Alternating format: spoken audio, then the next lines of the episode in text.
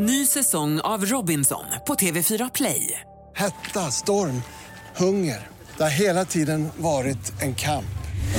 Nu är det blod och tårar. liksom. Fan händer just nu. Det. är Detta är inte okej. Robinson 2024, nu fucking kör vi! Streama söndag på TV4 Play.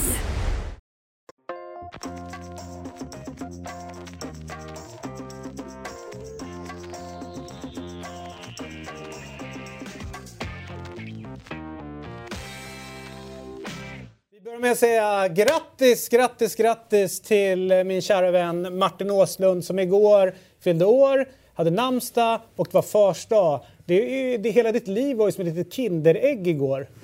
Hur var det egentligen? Jag mår sådär idag. Det gör det? Ja, nej, det är lugnt. Eh, sen har, du har ju haft en briljant helg Martin och nu är det fokus på dig. Mhm. Alltså grejen är det att eh, dina ostron-tweets som du har kört med är, är så roligt? jävla bra. Visst är det roligt? Ja, det, Det var jävligt kul att någon taggade in ditt parodikonto och skrev att eh, du har, någon har gjort ett parodikonto på dig. Ja, det var riktigt Nej, det var kul. roligt. Ja, det var jävligt kul. Eh, härligt. Eh, hur Jag kändes fick för övrigt en ostronhandske i födelsedagspresent. Du fick det? Ja. Och då är det då att tabasco på det dig ostron är, eh, det är för jävligt eller? ja, jag tycker det. När du fyllde år önskade du också en ostronhandske. Du får, eh, vad, vad känner ni? För att Martin... Rak... Jag måste bara säga så här. Man får såklart äta det som man vill. Mm. Men jag tycker att det är slöseri på bra råvaror och förstöra saker med tabasco. Va, vad känner du kring ostron och tabasco? Nej, jag, jag är en av de som upplever att ostron är en myt. Alltså jag, först, jag tror inte att någon tycker att det är speciellt härligt egentligen. Utan det är bara, man, folk har Det börjat det äta det och så har man jag fått höra innan att det här är jättegott. Och så, så är det inte det. Vad smakar ostron egentligen? Alltså, jag Havet. kan säga, för Hav, jag- ja precis. jag- det är ju som en, gott- en jävligt gott det god kallsup? Ja. Exakt. det är, jag fattar inte. Fantastisk. Nu får ni, någon av er köra Lyckan är min. Ni var ju samtidigt där. Ja, Okej. Kan ni den eller? Nej. nej, vi är inte så bra Snälla, på den i alla fall. Lyckan är min. Man slår den andra i pannan ju. Har det det? Nej, vi gör inget sådant trams. Varför det? Det är jättekul ju. Det är också kul att man gör det på folk som inte... är med på det. Nej, och i ett Men jag, sammanhang visste där man inte, absolut... jag visste inte ens om att det, att det existerar, att man skulle slå Det kommer han någon. på nu. Nej! Vad Visste fan? du det? Har ni inte gjort... Det här, det, här, det här är så en våldsam version av att säga smurf när man säger någonting samtidigt. Ja. Det är också kul. Jag har aldrig slagit honom i huvudet. Nej, så jag... Du har aldrig slagit någon i huvudet. Nej. Syn. Alltså man kan ju, jag ska bara visa, man kan ju göra en sån här liten klapp på pannan. Men om det är någon man känner väldigt bra så kan man göra en sån där ganska hård mitt på pannan. Oskönt säger jag. Ja, Så exakt. kan det vara.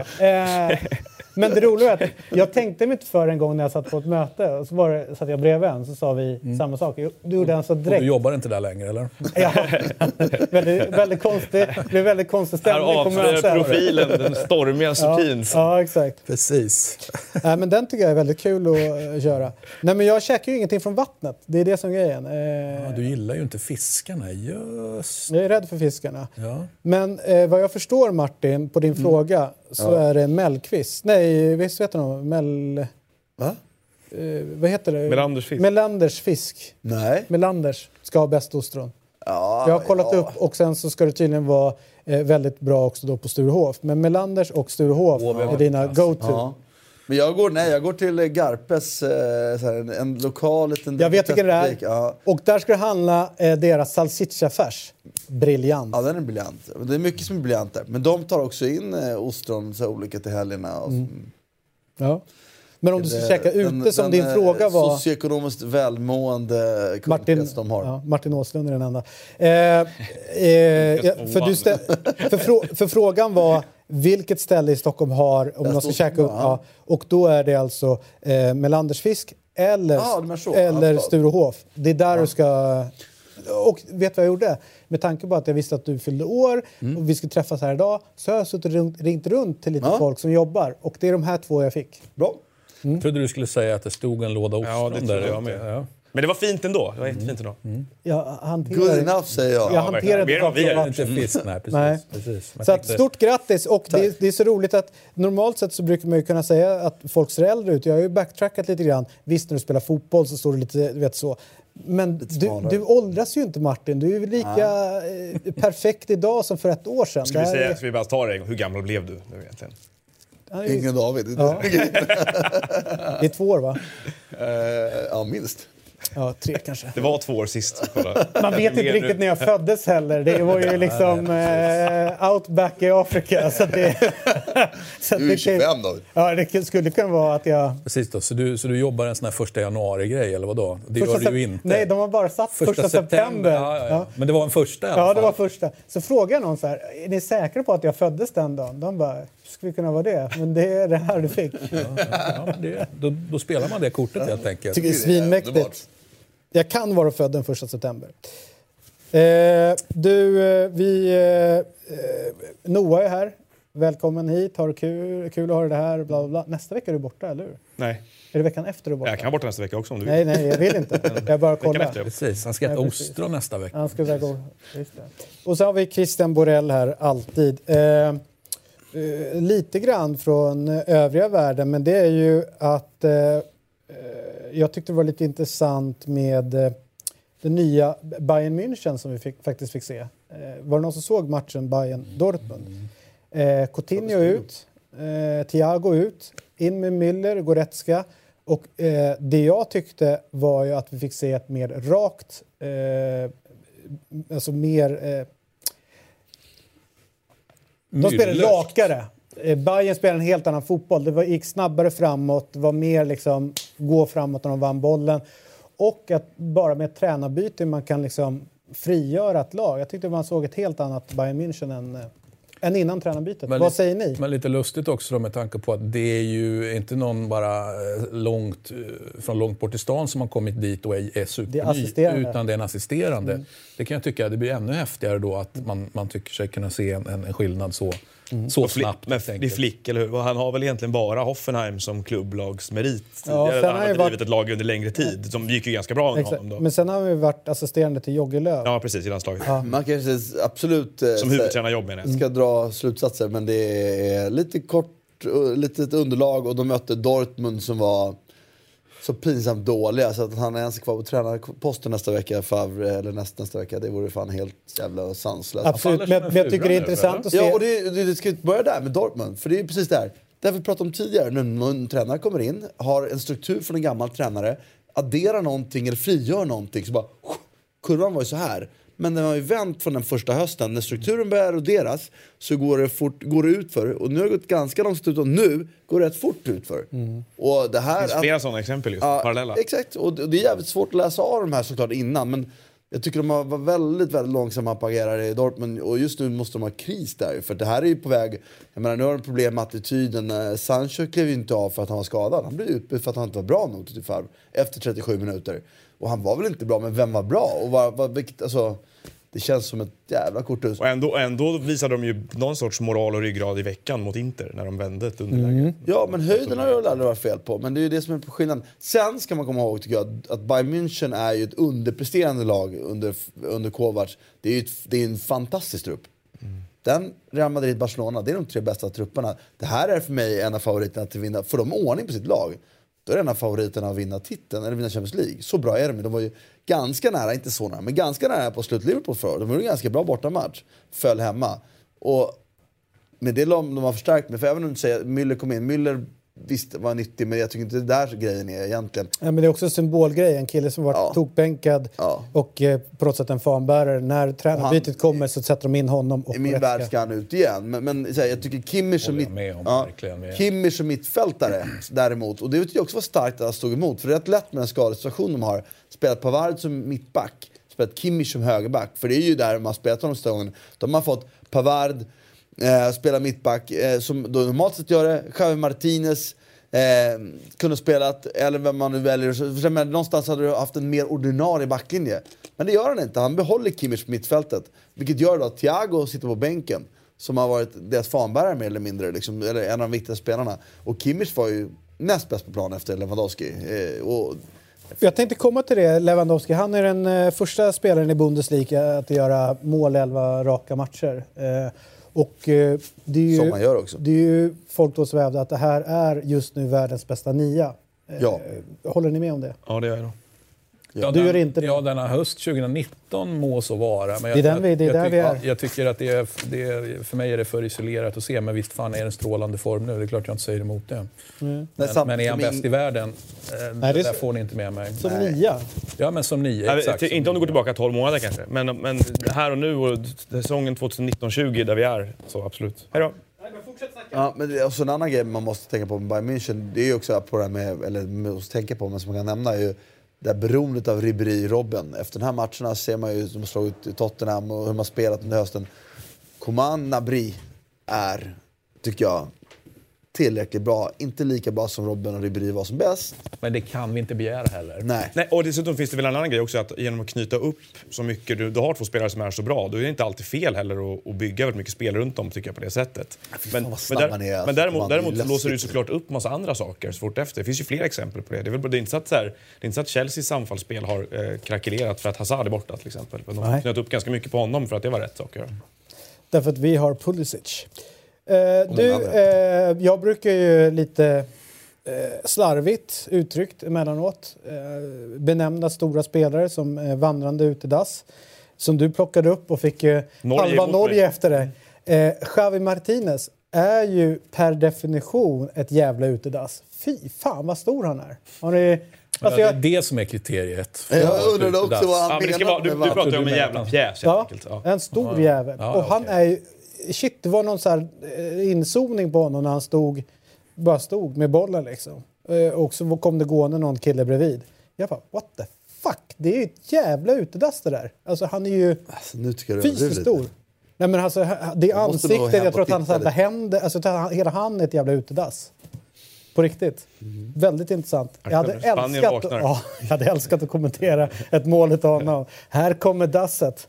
Eh, äh, så kan det vara. Kul. Eh, och du säger att då, eh, du ser en Favre, Favre Favre, ja. eh, kommer få lämna. Vem, vem känner ni skulle kunna ta... Vore inte han eh, Ten Hag. Hag perfekt för ett Dortmund? Jo, men jag tror han vore bra för Bayern också.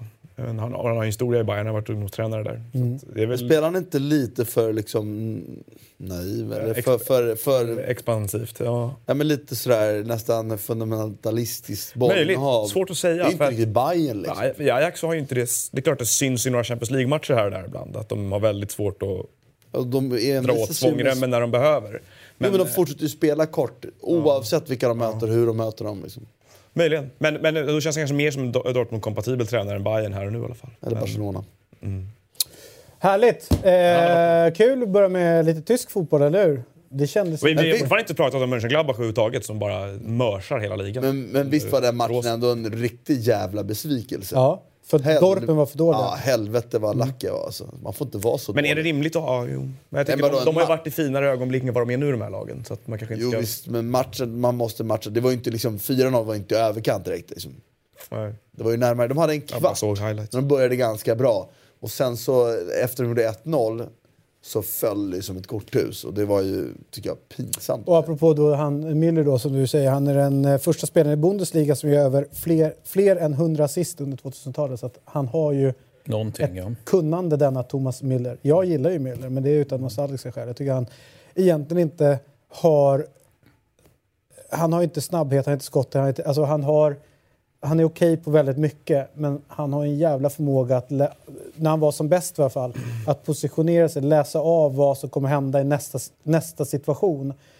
Enkla mål, eh, stå rätt, framspelning, alltså allt det där. Så att han hade ju någonting här uppe som Space var världsklass. Liksom. Men, han, ja, men eh, däremot så måste vi ha hit Frank snart, nu så han kan prata om Gladbach. Ja, vi och vad de gör. Innan de, eh, tappar. Ja, för nu är det fortfarande... Säger du det till, till vår eh, kroatiska vän? Ja, men två saker till bara matchen. Jag måste säga också bytena som man gör eh, Favre är helt osannolikt jävla märkliga. De får inte tag i bollen i början av andra halvlek. Så tar han ut en, en visserligen ganska medioker bollvinnare som Weigel, men ändå en bollvinnare och tar in en offensiv spelare till som ska göra saker med boll. Det slutar med att de är... Alltså, jag bara, vad fan, de måste vinna. In med en, en eller två bollvinnare till som får tag i bolljäveln. Liksom. Sen tycker jag Roy skulle komma in tidigare om han är spelbar, men när han väl är på plan då. Så Hazard får spela 90 minuter, det är också en gåta då liksom, i den aspekten. Då är det mycket hade behållit Weigel och tagit in Delaney eller Dahoud eller någon som kunde se till att tajta till det. Götze var inte bra. Nej, men Götze av och Royce in då, så har du någon att ställa om på. Och därför också byta av Sancho, om han nu inte var skadad. Att slänga bort det bytet mot en spelare som kan hota andra halvlek. Det är för mig, eh, alltså, i 37 minuten eller vad det var. Det är ju, alltså, Men det var väl känns, huvudet. det, känns som ett politiskt byte. Ja, Känns visst, som att men det- är det läge att göra politiska Nej, byten? verkligen inte. Men jag bara, Då tar man väl in halvtid, pratar dem till rätta. Men nu får du fan med en tio minuter på dig och visa attityd. Det här duger inte. Jag tror på dig som spelare, du behöver de här egenskaperna. Royce in, ni två spelar topp. Vi är in med en lite mer bollvinnare så vi får tag i bollen. Delaney, bam. Och så spelar vi rakare på våra snabba omställningsspelare. För Alaba är för snabb som mittback, men, men eh, Martinez är ett skit... Nej, dasshus, det? Skit... Utedass. Utedass. Vandrande utedass. Fan, jag säger skithus har Ja. väl? Nej, nej, nej. Nej, för fan. Då, eh, det, Ett skithus är ju stor jävel. utedass är ju också, kan vara rätt... Nej, det har jag aldrig hört. De kan vara liksom stora pjäser också. Och en sista Sen är det ju nävar som dasslock då. Men då blir vi på keeprar såklart. Ja. Men det är, Men det är viktigt. Jag har eh, ganska stora... Ja, du är lite dasslock. I England pratar man ju om shithousery som ett beteende. Det är ju samma sak. Ja. Jag bara, sista grejen bara så här, var tar Thiago vägen i januari? För det här, alltså, han kommer ju inte spela i den här elvan nu, eller? Och han är ju redan Jag tror att det på går så ut. snabbt att han... Tack Ja, men han har ju varit gud på att han får komma till ett latinskt land och spela riktigt skön fotboll. Skulle han kunna eh, vara, bli aktuell för eh, antingen eh, City med tanke på att eh, Pep gillar honom eller att Barca eh, kanske på något sätt vill ha hem honom igen? Båda Vad de två lagen, absolut. Och Juventus lika så. City går väl först efter försvarare just nu, känns det som. Ja, fast om man, får, om man kan få honom som, Ja, så kanske man tar som, som man vet att honom Pep till- har krigat till efter. Barca. Men grejen är att ska han till Barca så, så är det ju liksom... Det, det, det är klart att, att han ska till allra helst till Barca med tanke på hans historia. Men, men så här, supergivet att han går in och spelar där är det väl inte heller, eller? Under Valverde så kan allt hända. Eh, han är inte kvar. Nej, men han är där nu. Härligt, kul. Eh, Europatipset eh, rullade på i helgen också. Eh, Också jättekul. Ja, det var väl inte så jävla roligt va? Eh, det var eh, mörkeromgång för Vadå, samtliga. vad händer med skamgränsen? Ja, den Vad händer med alla vad händer med det här egentligen? Vad håller vi på med? Ja, Parma var det ingen som såg den ettan, slarvigt. Nej, det är lite märkligt. Eh, ingen såg krysset på Brage, vilket inte ska vara ett kryss därför att Kalmar är betydligt bättre och släpper in i 92 minuten. Kouakou är det som gör målet. Christian Kouakou eh, är ju AIK. före detta AIK. Ja. Eh, igen. Getafe eh, trodde alla på eh, mot Osasuna. Det är det sista krysset jag Där flyttade bort. varnar vi ändå för Osasuna för guds skull. Eller, eller hur? Vi, Ja, det absolut. gjorde vi ju. Så att det var ju, hade vi haft mer så hade vi haft ett kryss. Vi hade inte haft en tvåa men vi hade haft ett kryss där. Vi lovar att nästa helg så, får, så kommer det inte se ut så här dåligt. Och Björn Jonsson, återigen en väldigt, väldigt oseriös rad som blir eh, bestraffad på det här sättet. Så att vi kollar hur, eh, hur det ser ut poängtävlingen och då kan vi sträcka på mig lite grann och säga att det är David Fjell som leder både antalet rätt och pen, pengarligan eh, än så länge. Så att eh, vissa Men- saker här i Två snitträtten. Alltså, att, att följa dig jag i alla fall tjänat pengar på. Ja, exakt. Det tycker jag är härligt. Till skillnad från de andra. Framförallt Björn Jonsson har dragit in 875 kronor eh, på de här raderna. Det är ju fruktansvärt oseriöst. Vi, eh, vi tar oss vidare till eh, chartersvenskan. Man skulle kunna tro att eh, vi har ingen att spela ut längre utan vi skulle Nej. redovisa då förra veckans eh, i, eh, i eh, Kjell Olofsson och eh, Lasse Nilsson har de där på topp, de två sista. Berätta. Titta, ja, jag tyckte det var ett bra förslag. Kul förslag. Av någon som heter Starfighter. Startfighter heter han till och med. Benny Starfight 1, så att säga. Ja, men, det var skönt alltså, bara få friska upp minnet här med, med lite Moss och lite Dandy och, eh, och göra mer mål än Henke Larsson. Det är, ju- det är ju lite roligt onekligen. Så att, eh, och Late Bloomer är alltid kul. Ja, så är det. Jävligt roligt namn, eh, för det är ju, han leker ju med Kenny Starfighter, ett Ja, ja. program. Ja, ja, du har koll på det? Eh, ja, nu när du säger det så kanske jag har det. Hette programmet Kenny Starfight? Nej, Nej, det var han, han- en karaktär. Johan Ja, Rheborgs karaktär. exakt. var det, Ja. Ja. Ja, det var... Du är så ung David. Tack. Ja men du vet, Luke Skywalker och allt det där. Det är Absolut. mina gubbar. Ja, jag vet. Ja, det, det, det är så mycket värme i hjärtat. Kanske Buzz Lightyear. Eh, så är det. Och eh, grattis eh, Benny Starfighter, sista vinnaren i Chartersvenskan som vi stänger där. Och så tar vi oss till de brittiska öarna där.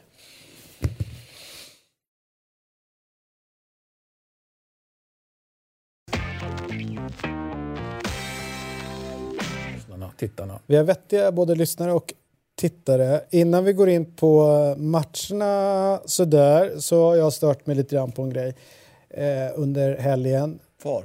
Bra.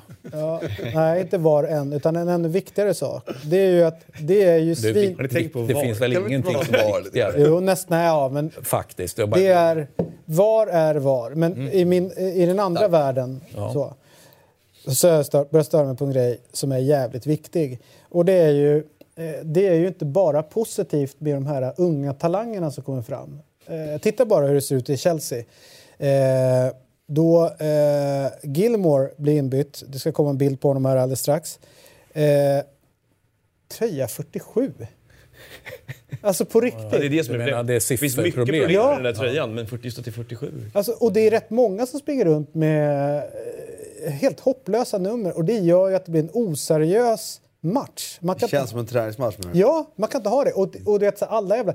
Eh, Kulusevski springer med 44 tror jag han har på, på. Som han springer. Men som han har ju tagit för att Ja, men det spelar ingen roll. Hade det. Ja, jag hans vet, men det spelar ingen roll. Det är fel Det är nummer. fel. Det är ett hockeynummer. 47 är också ett hockeynummer.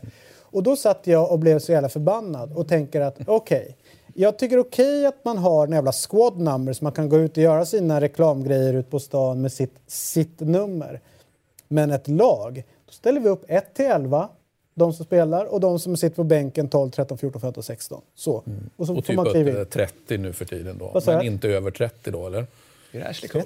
Ja, men jag menar, vi, vi har ju en, en trupp, Ja, om de ändå ska ha fasta nummer menar jag. Så Är det Ja. Han är inne i tränarstaben. Nej, eh, ja, nej, men, ja, men man, kan ha upp, man kan ha fasta trö- nummer om man nu vill. Om man vill göra en jävla... Jag ska bygga mitt brand som nummer sju. Jag ska bygga mitt så här... Ja, men vissa dagar kommer du inte spela nummer sju för att du sitter på bänken. Och då får du, kommer in och har 14 den dagen, eller 13 eller 15. Men det här... Fy fan vad jag stör mig! Och så börjar jag kolla runt på andra matcher och så dyker det upp någon så här, ja den här ny unga spelaren är... på-" Men Alexander Arnold har väl, vad är det, han har 66? Ja, det är inte alls okej. Ge dem ett vettigt tröjnummer. Alltså, det, så kommer aldrig, det kommer aldrig bli 1 till 11 igen i alla Nej, det kommer finns- väl vara så här för, för liksom Jo, jag fattar att det inte kommer bli Jag tycker det är så. rolig grej, den här övergången, för jag spelade Allsvenskan då, när man gick från att ha haft 1 till eh, 14, eller 1 till 13 var det först, för det var bara två på bänken. Ja, eh. Var och en var slips. Det var, nej, det var 1 till 14 så var en slips. Ja. Så det var, men det var jävligt svårt att ta sig in eh, när man var ung spelare kan jag säga. Så när folk gnäller idag ska jag tycka att vad fan. Två avbytare. Get back in the days. Nej men då, så här, det- just i den övergången, då hade ju alla ett, ett träningsnummer som du beskrev det. Eh, och så levde det lite kvar, så när jag kom upp i A-laget då fick man fasta nummer. Men då fick man träningsnummer, fick man inte samma. Därför träningsnumren var efter typ storlek på kläderna lite. Ja. Så jag, då fick Medium var låga och sen så Nej, nej, extra men, large nej, men det var... berodde på vem som man haft innan. Så jag fick ju nummer, eftersom jag då skulle ha large. Så mitt, jag tror jag nummer är 16 någonting, vad fan. Så fick jag ju inte 16 genom i berg för att jag hade, för den tröjan var ju liksom, de träningsgrejerna någon annan haft som var jättesmå. Så då fick man ta... Något annat träningsnummer. för man fick ju ärva träningskläder, man fick inte nya varje år. liksom. Jag, jag tycker att det är... stackars fotbollsspelarna som får ärva kläder. Så hade man så här, det var inte så overaller heller, som, eller overaller som var vet, de här mjuk, det var ju mjukisbyxor man tränade i. Som blev, som blev blött. Blev Du är jättetunga. Ja, jag skulle- konstaterar att han har i alla fall kvar sina eh, träningsoverallsbyxor. Är inte det lite Lamps. coolt ändå, tycker jag? Jag tycker verkligen inte det. Men Jag tycker det ser jävligt sunkigt ut personligen. Men, alltså, jag är ju för att man ska vara Alltså välklädd. byxorna just. Nej, Men jag fan, tycker- man, jag tycker inte det- man måste ju ha hela sättet. Man är lättare, av någon anledning lättare att acceptera det på, eller jag accepterar jag tycker det passar bättre på de yngre, på yngre tränare. Det är för att men, de är mer atletiska. men Steve Bruce ser ut som, eh, att, alltså, som att han driver... Eh, Du ser ju bara William hur han reagerar när han sitter och tittar på den här byxan. Han ser helt vettskrämd ut. William ska säga eh, har ju... Eller så har han mod i blicken. Ja, nej, han är ju fokuserad nu för tiden. Han, och dessutom fick, fick kaptensbilden i, i han, är, helgen. han, han är fruktansvärt bra just Ja, rikt- riktigt han, har- bra. han har inte varit bättre sen han kom till Chelsea va? Ja, och, eh, precis när han kom. eh, vän. för han är men, eh, han, sen har han ju, ja, men nu är han jättebra. Och, och eh, sen var det ju en härlig match eh, där för Chelsea som till slut vann med 2-0 och alltihopa. Eh, Det kommer ju spelare på spelare. Alltså när tar, när tar det här slut? aldrig. Hur bra är den här Gilmore då? Honom har jag inte sett så mycket. Han är bra. Han gjorde en jättebra fin försäsong och det pratas väldigt mycket om det. Eh, och sen var det sagt, ska han lånas ut eller inte? Men då var de så här, "Nej, men vi vill ha honom här. Och det var inte James den bitigaste ytterbacken vi har Reece sett? James. Och han, men han är ju den nya jävla- hype- hype-figuren nu. Har vi Ja. slutat prata om Hudson Odoi och börjat prata om honom istället. Nej, men han eh, var ju hypad redan när han kom med tanke på att det är också nästan alla är helt hundra på att det där är framtida lagkaptenen med tanke på hur hans ja, är. Stora snackar är nu var, var kommer Aspilicueta hamna? Kommer han... För Reece nej, utan är på vänsterbacken och eh, Mm. ta bort både Alonso. Den som kommer bli ryka antagligen i vinter är ju Marcus Alonso som kommer få lämna. Och Tomori mittback då. Exakt. Men bra. alltså då blir det vingen där liksom. Alla, all, jag tycker alla de där är bra. Men det intressanta med Abraham nu börjar ju bli diskussionen om landslaget med honom därför att han har varit så pass bra och även om det är väl fortfarande en bit kvar till att Kane inte skulle starta Men Kane är fan inte bra just nu. så är det ju eh, en seriös debatt kring vem av de två som ska vara spearhead där. Vardy har ju bäst form av alla nior men han är ju inte riktigt En annan spelar typ spelare. Jag måste också säga, apropå den här matchen, så var det eh, uppladdningen till den här matchen eh, och jag förstår inte att fler kanaler inte gör grejerna oftare, men det var, det var en intervju då med Roy Hodgson inför, som Johan Kücükaslan hade gjort, som jag tyckte var jävligt bra. Eh, där de hade ett tänk redan innan, verkar som då i Viasat, där de pratade om åldersstruktur och motivation och, och liksom en äldre tränare mot den, alltså den äldsta tränaren mot den yngsta och så pratade om liksom drivkrafter och hur man gör för att haka på förändringar i mentaliteten hos de brittiska tränarna och vad som har hänt runt, runt det. Men att man vill ha fler möten, man vill lämna studion oftare och träffa folk. Alltså det, det kändes så jävla befriande och att det var genomtänkt så. så det Men var verkligen också mer att, sånt. att Roy Hodgson också bjöd till på Ja. ett sätt som inte alla gör. Alltså, Bra på sven- jävligt bra svenska. Fantastisk att lyssna på. Så det var häftigt. Man fick se lite så här bakom kulisserna hur det såg ut där på, runt Crystal Palace. Härligt, bra, mer sånt tycker jag. Sen hade vi Liverpool City eh, som var, alltså sett ut ett i, alltså en idrottsprestation bara. Alltså typ att man är en idrottsman som eh, kör på allra högsta nivå. Så blev jag sjukt impad av båda lagen igår och liksom den intensiteten som, som de spelade fotbollen med. Alltså det, jag, tror det, jag tror det är svårt att fatta hur jävla fort det går och vilket jävla tryck det är i grejerna när de sätter fart och när de pratar om att komma upp i press. Alltså man har inte många sekunder, hundradelar... Eh, Ja, den ligger här någonstans. Man har inte mycket på sig för att liksom lösa situationerna. Jag, jag var jättebra Nej, jag håller med Martin. Jag kan inte påminna om många matcher som man har varit, tyckt att det har varit högre kvalitet i allt utförande. Alltså både, både det taktiska och men eh, individuella allting. Det är... eh, Det roliga är att han skiter i att det är kameror som står Ja. på här. Det är bra Ja, TV. ja. Ja, exakt. Nej, men, eh, nej, men jag tycker det var Eh, fullständigt blanda lys... mina, mina kläder lite. Nej, jag tycker det var fullständigt lysande eh, fotbollsmatch. Eh, jag vet inte om... Eh, nu är Björn här inne så att vi får köra en annan. Men, eh, Inte bara, tips, Björn. bara dina eh, tankar snabbt kring matchen då. Eh, eh, I stort. Nej, att det var bra. Nej, men snarare, vi- jag tyckte det var lite tråkigt att eh, i efterhand att så mycket av, eh, kanske inte i Viasat-sändningen nödvändigtvis, men i övrigt om man tittade på reaktionerna i engelska medier och sådär på den, att eh, det som skymmer man låter VAR tjafset skymma ganska mycket av det som eh, det borde handla om. Det ena är väl då frågetecken kring eh, Pep City och om huruvida de har passerat sin peak eller inte. Eh, och hur de ska reparera det här. Jag tycker att de gör en ganska bra match igår men det är fortfarande så att de har ett par matcher den där hösten nu där de kanske prestationsmässigt inte faller igenom så himla mycket men där, de inte, där det, liksom, det får inte samma höjd som förra året. Det andra är ju att det här Liverpool-laget nu om man går tillbaka ett och ett halvt år är ett av de bästa ett och ett halvt åren något lag har gjort sedan Premier League bildades. Fortfarande eh, liksom presterar match efter match. Nu har de ju ändå haft vad många menar är en formsvacka under hösten eh, och vunnit varenda match i alla fall. Eh, Nu tycker jag de har växlat upp Nej, lite. inte alla. Nej, har ett, ett kryss. Men eh, att jag tycker man måste börja prata om det här laget som ett av de absolut bästa som vi har sett spela i Premier League. Eh, och kanske att till och med om man slår ihop prestationerna sen ett halvt år tillbaka att de, deras högsta höjd, om man hel, tittar på helheten, så är de till och med lite bättre än vad City har varit när de har varit som bäst tycker jag. Det tycker jag. För det är rätt kul att du nämner det för att igår efter matchen eh, så lyckas de eh, i Sky hålla sig borta från VAR-diskussionen utan landar just in på den här diskussionen då om, eh, om Liverpools höjd i det hela. Eh, och det var rätt intressant att höra eh, Mourinho prata om eh, det här Liverpool och, och, vad han så, och Vincent Company. Att det är, det är, just nu är det helt perfekt, det har varit under, en- under en period. eh, där de var så sjukt imponerade av eh, Klopp att han har lyckats få alla spelare som de sa, vissa av dem när de kom hit, ingen trodde att de skulle vara en del utav eller bärande byggstenar I ett lag, lag. som är världens bästa lag.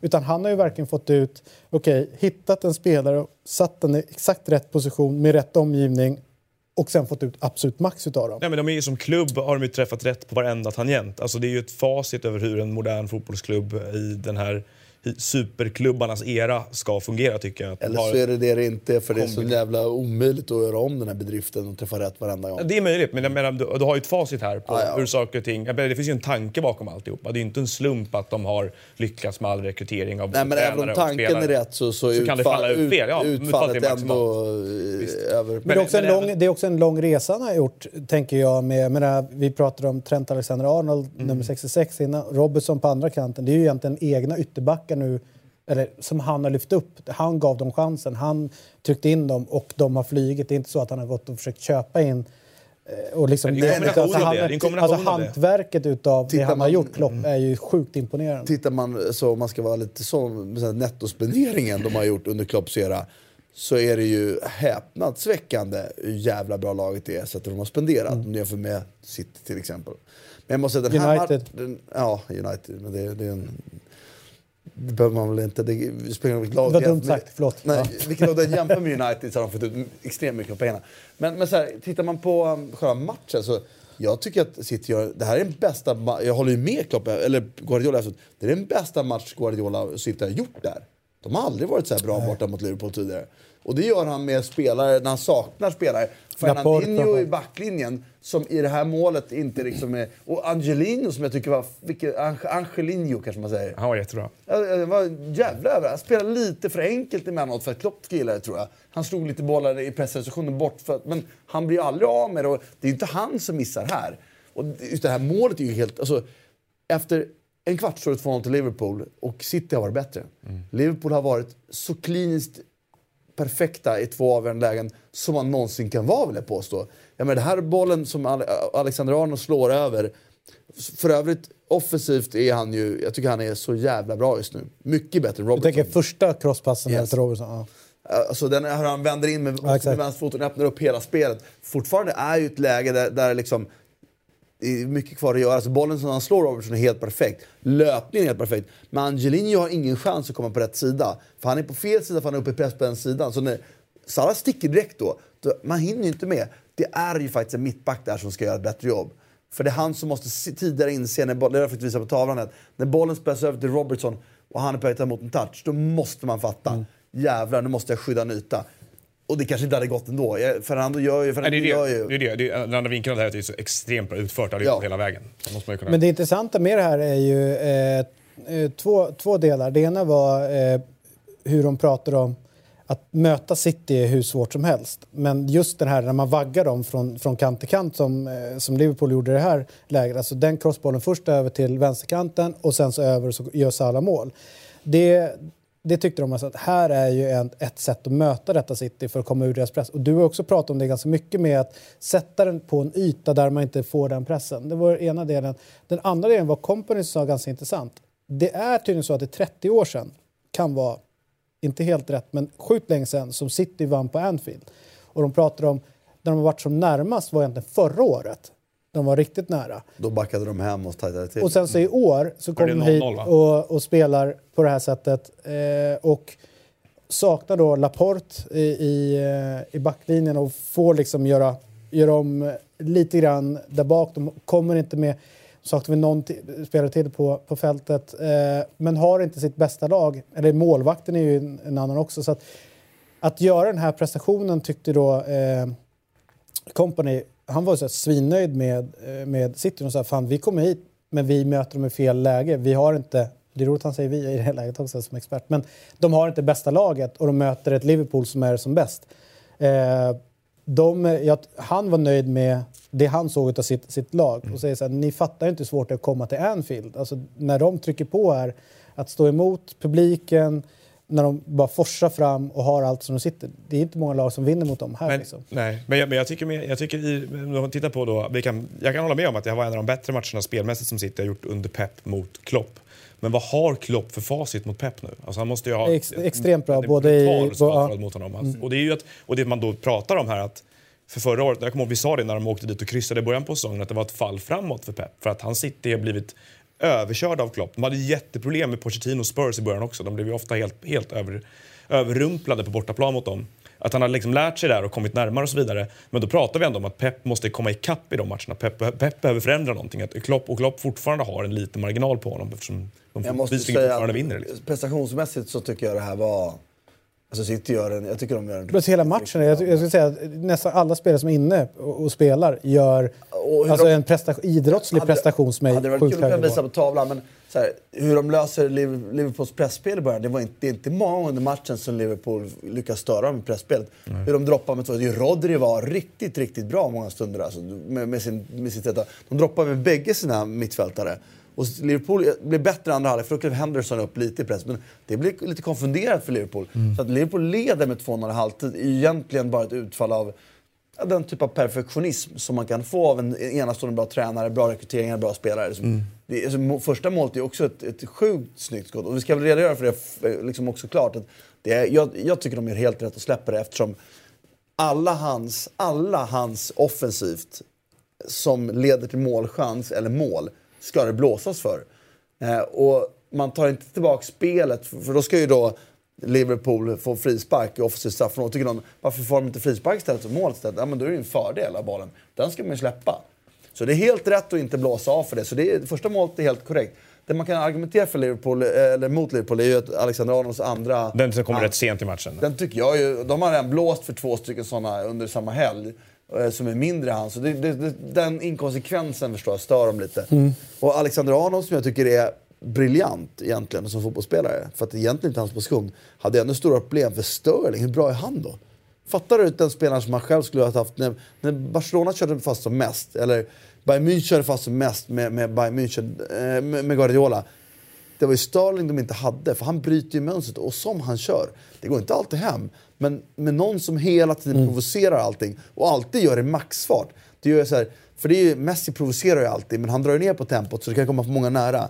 Sterling hinner man ju inte komma nära om man inte typ, tokrusar innan han ens fått bollen. Och ens knappt då. Det innebär att det öppnar ju så mycket annat. Jag måste säga att jag... Nej, Arnold hade ju, hade ju problem med honom på ett sätt som han inte haft med speciellt många spelare. Nej, och då tycker jag ändå han var grym.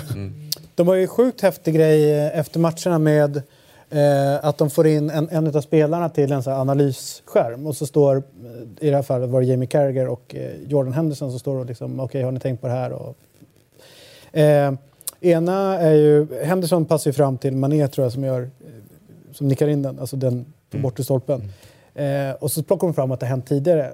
Att på systematiserat, och så säger så ja men han kommer där. Alltså, jag kan slå honom blint, jag vet när han kommer. Det- är så vackert när, såna, när man får reda på dem att men den ytan, där ska han vara. Det är mitt jobb att få dit bollen. Och då är han ändå ute som höger mittfältare. De flyttar ut honom sen. Men det de visade var ju, den här killen, alla pratar ju om honom som en offensiv kraft. Att det är, åh vad bra han är, vet, Styr ditåt. hela försvarsspelet ju. Men det är hur, vilka löpningar han tar tillsammans med de här. Alltså det mittfältet, de löpmeterna, Fabinho hur de, alltså. hur de jobbar i för att liksom, Henderson ja, var ju- försvara. Det var, det är. Henderson var den svagaste dem. Jag tycker även Wijnaldum i, i moment där, var- hur skicklig han är på små ytor. Sen är Fabinho tycker jag... Det är ju Wijnaldums stora styrka, att han alltid trocklar sig ur. Alltså, Ja, sig ur allt. absolut. Men att man gör det i såna här matcher. Jag menar, det är en stor skillnad att göra det. Men det är det som, jag tycker Henderson var den svaga länken i mittfältet första halvlek. Sen gör han den assisten, absolut. Och den, den tycker jag också är att den är ju ett enastående bra slaget inlägg. Alltså, det är klart att Claudio Bravo jag vet inte, kanske, kanske ska ta bort den ändå för den ligger så pass nära. Och Walker ska absolut vara med på, den ska aldrig bli mål liksom. Det är enda riktigt så här, försvarsmisstaget tycker jag, det är Walker som Men, men när, det gäller, när det gäller Henderson och Lovren så är det ju två spelare som... Nu är ändå Lovren inne i elvan. Nu bänkas ju Gomes för Lovren här. Eh, så backa tillbaka till när Klopp tog över Liverpool och hade man sagt i alla fall en spelare som man trodde skulle vara den första som inte Gomes. skulle vara en del av det. Nej, det, det var ju Lovren. Nej, Lovren. Jag menar, och Henderson var rätt många som inte tänkte att han hade någonting att göra i ett Liverpool som skulle vara så här bra heller. Det, det jag vill säga bara med, med Firmino och, och, och, spelat utan boll och sådär så var det en, jag har säkert sett det klippet med Pep Linder som är eh, Mm. eh, Klopps assistent som har varit iväg en sväng i Holland och inte gick så bra och kom tillbaka nu och sådär.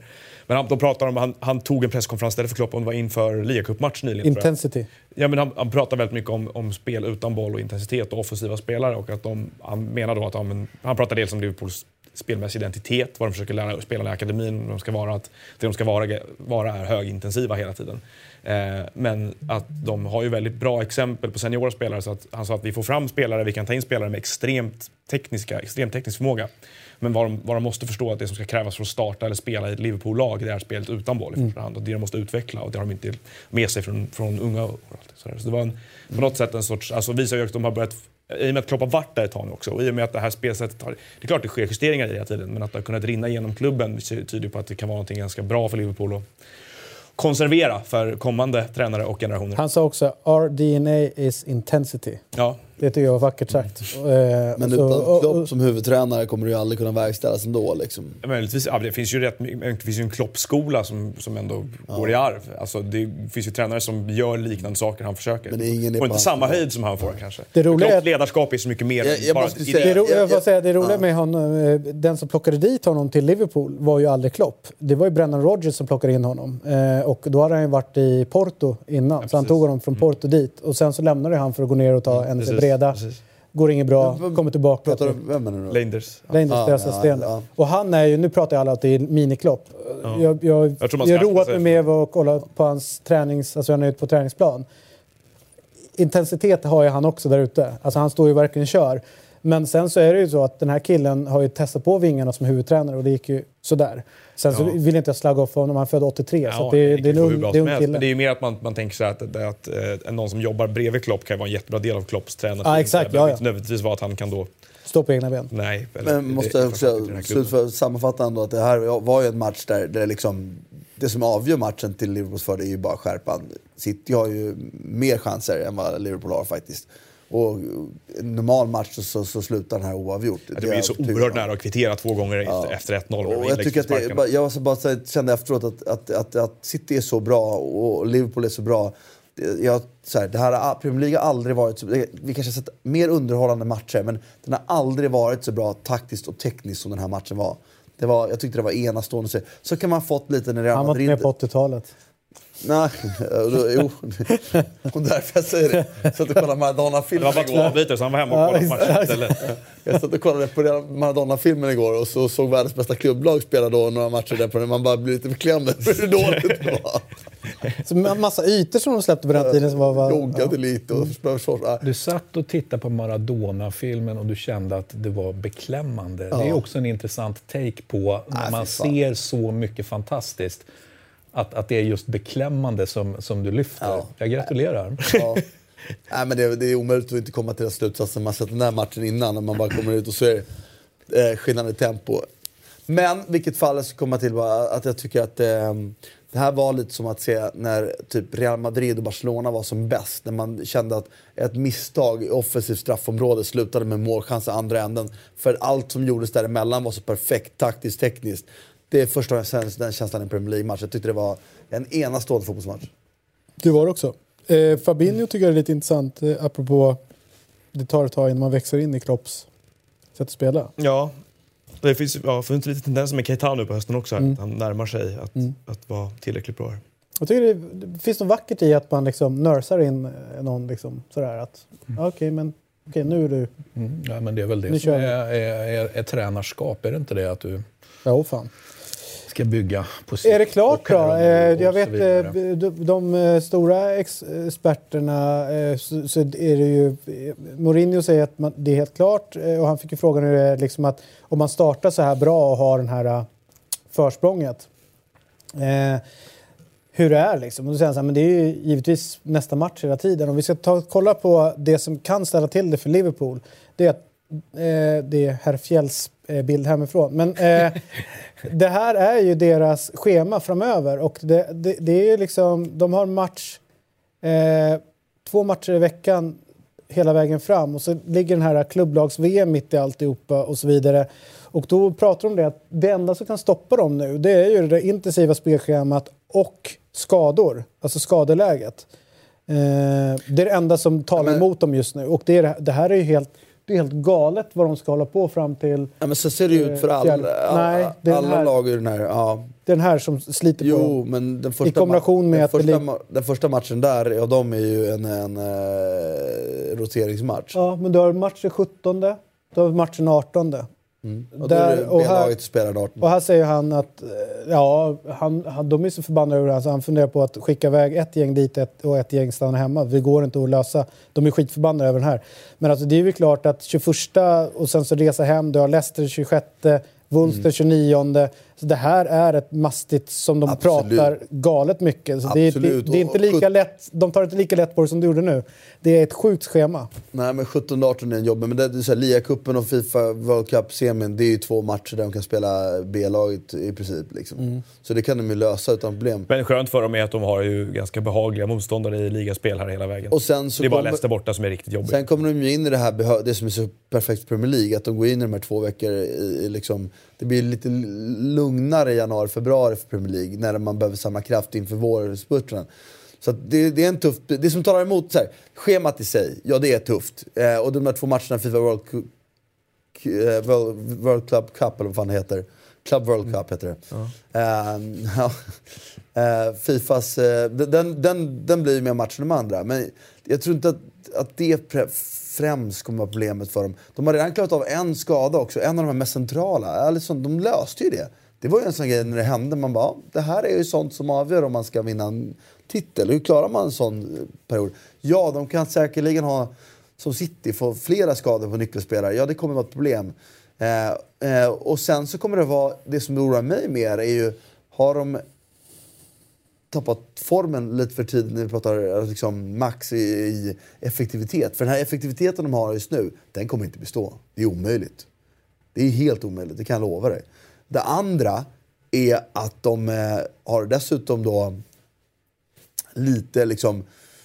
Alltså det hänger ihop med effektiviteten, men att de får ju bättre resultat än vad de presterar ändå tycker jag. Och det är också en grej, det kommer heller inte Men bestå. talar inte det för att de kommer gå upp i prestationsnivå då? Ja, nej det talar inte för, det talar för att de måste upp. Det är Ja, två men, olika ja, saker. rimligen för mig är det ju då att om de klarar att ta resultat nu när prestationen inte är på topp, Ja, kan man vänta sig att prestationerna kommer att Fast det vet vi inte, för det kan lika gärna ha toppen av prestationerna här. Prestationerna faktiskt går ner. Och då, men Jag håller inte det som sannolikt, men det nej, men po- poängen är att, att eh, du, jag tycker du tittar på det från fel håll. Så här, prestationerna måste upp för att bibehålla den här resultatraden. Gör de det, vilket det å andra sidan då är fullt rimligt att de kan göra, då, då vinner de ju såklart serien. Men man ska komma ihåg att, att det var sju poäng i, i vad var det, februari förra gången. Och nio poäng nu, det är klart att det inte är avgjort på något sätt. Och det som egentligen talar mest för dem, det är att jag inte tror på City.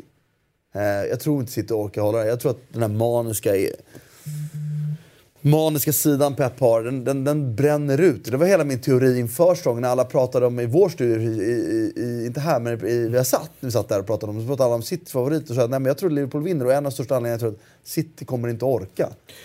Ja, ja, det är klart, det, det är ju det som talar emot City. Samtidigt så är det ju, hade inte City varit så, haft den höjd de har så hade jag trott att det var klart. Men nu i och med att jag Leicester och Chelsea och de andra kommer ju inte hinna ikapp. Det är ju bara City som Ja, kan men det det, det, de är inte Så med. att, eh, en fråga, frågan, om frågan är, är det här City. avgjort så är, det, så, så är det ju på grund av att City har höjden att jaga ikapp det här. Att det, det finns Och det har de ju. Det har de. Det, finns ju, och det är inte vanligt att ett lag har det. Alltså, om ett lag börjar med 11-1-0 på 12 matcher så brukar det rimligtvis betyda att inget lag hinner ikapp. Men det här är ju en exceptionell upplaga i år igen, tycker jag, då, med två lag som håller så hög nivå. Så att det är inte avgjort av det skälet att City skulle kunna ta ikapp det här. Nej, så. Vilka tippade du som vinnare?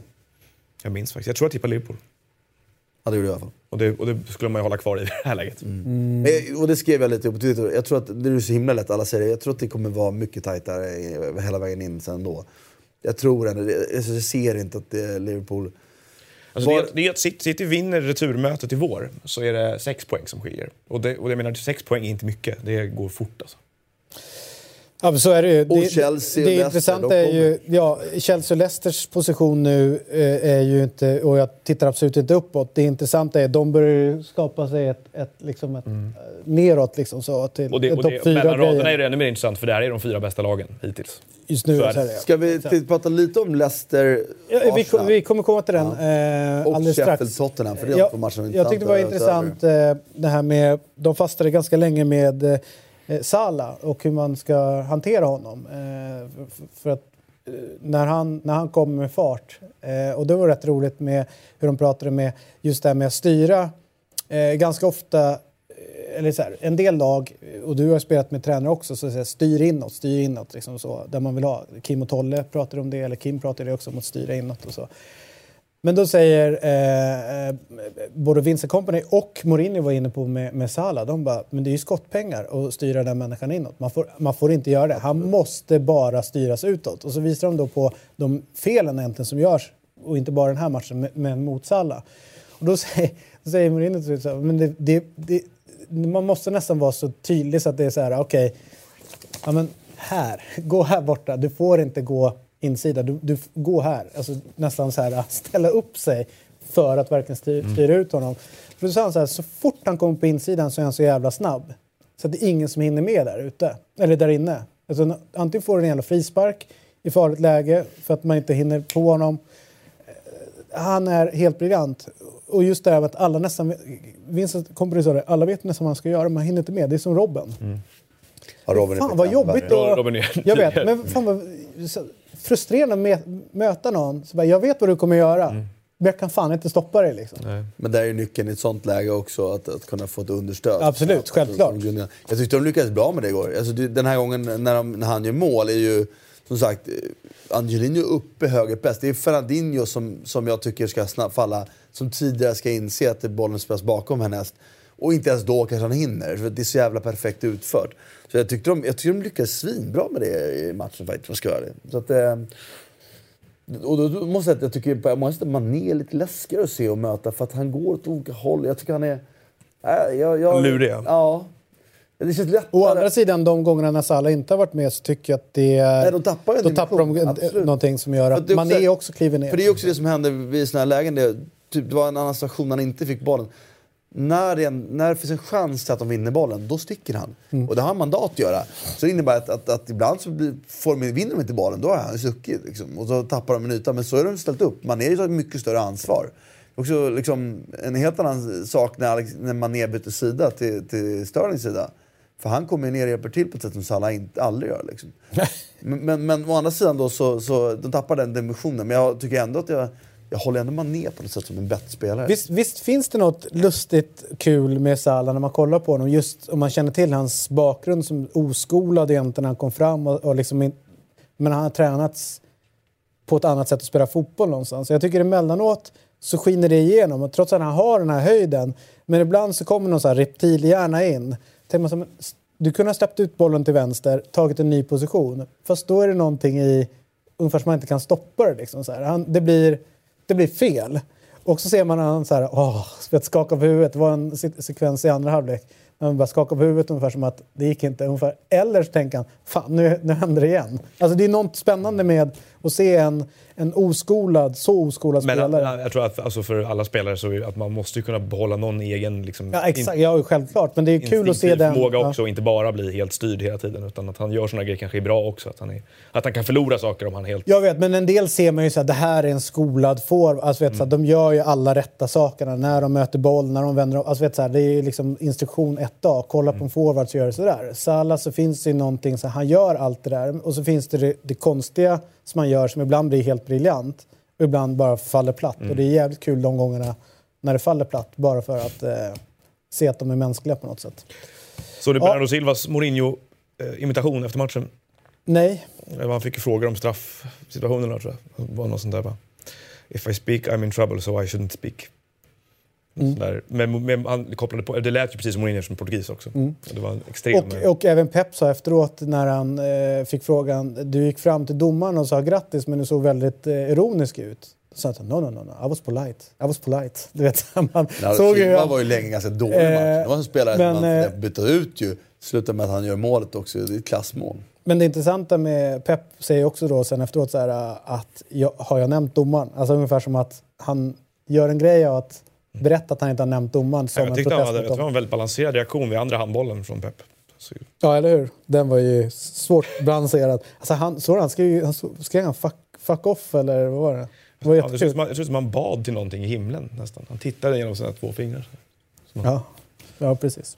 Sen kan du, ja du vet ju själv den och den.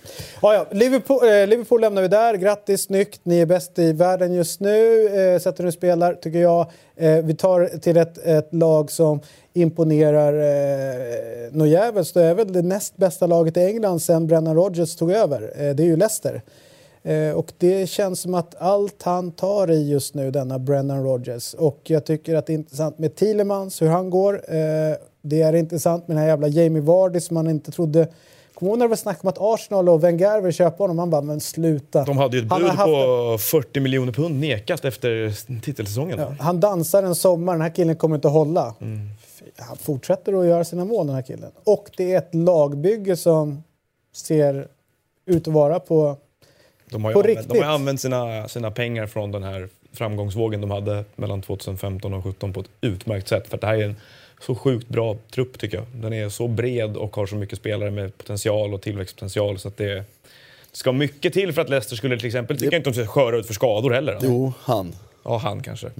Men jag håller med, annars är det, annars är det ju, i övrigt har du jättemånga alternativ alltså. ja, det är faktiskt en fantastiskt fin trupp. Alltså. Och de spelar riktigt rolig fotboll. Och det är kul att Rodgers får riktigt, riktigt uh, upprättelse. Och när man ser domaren här också så förstår man varför inte han blev fotbollsspelare utan domare. eh, det är helt Ja, det uppenbart. sitter som en superatlet. Nej. Ja, ja, men var det ju lite sjukt alltså. Det är, han, jag tror han har gjort 20 på 22 nu sen, sen Rodgers tog över i ligan. Det är väl sex eller sju mål fler än vad alla andra forwards har gjort.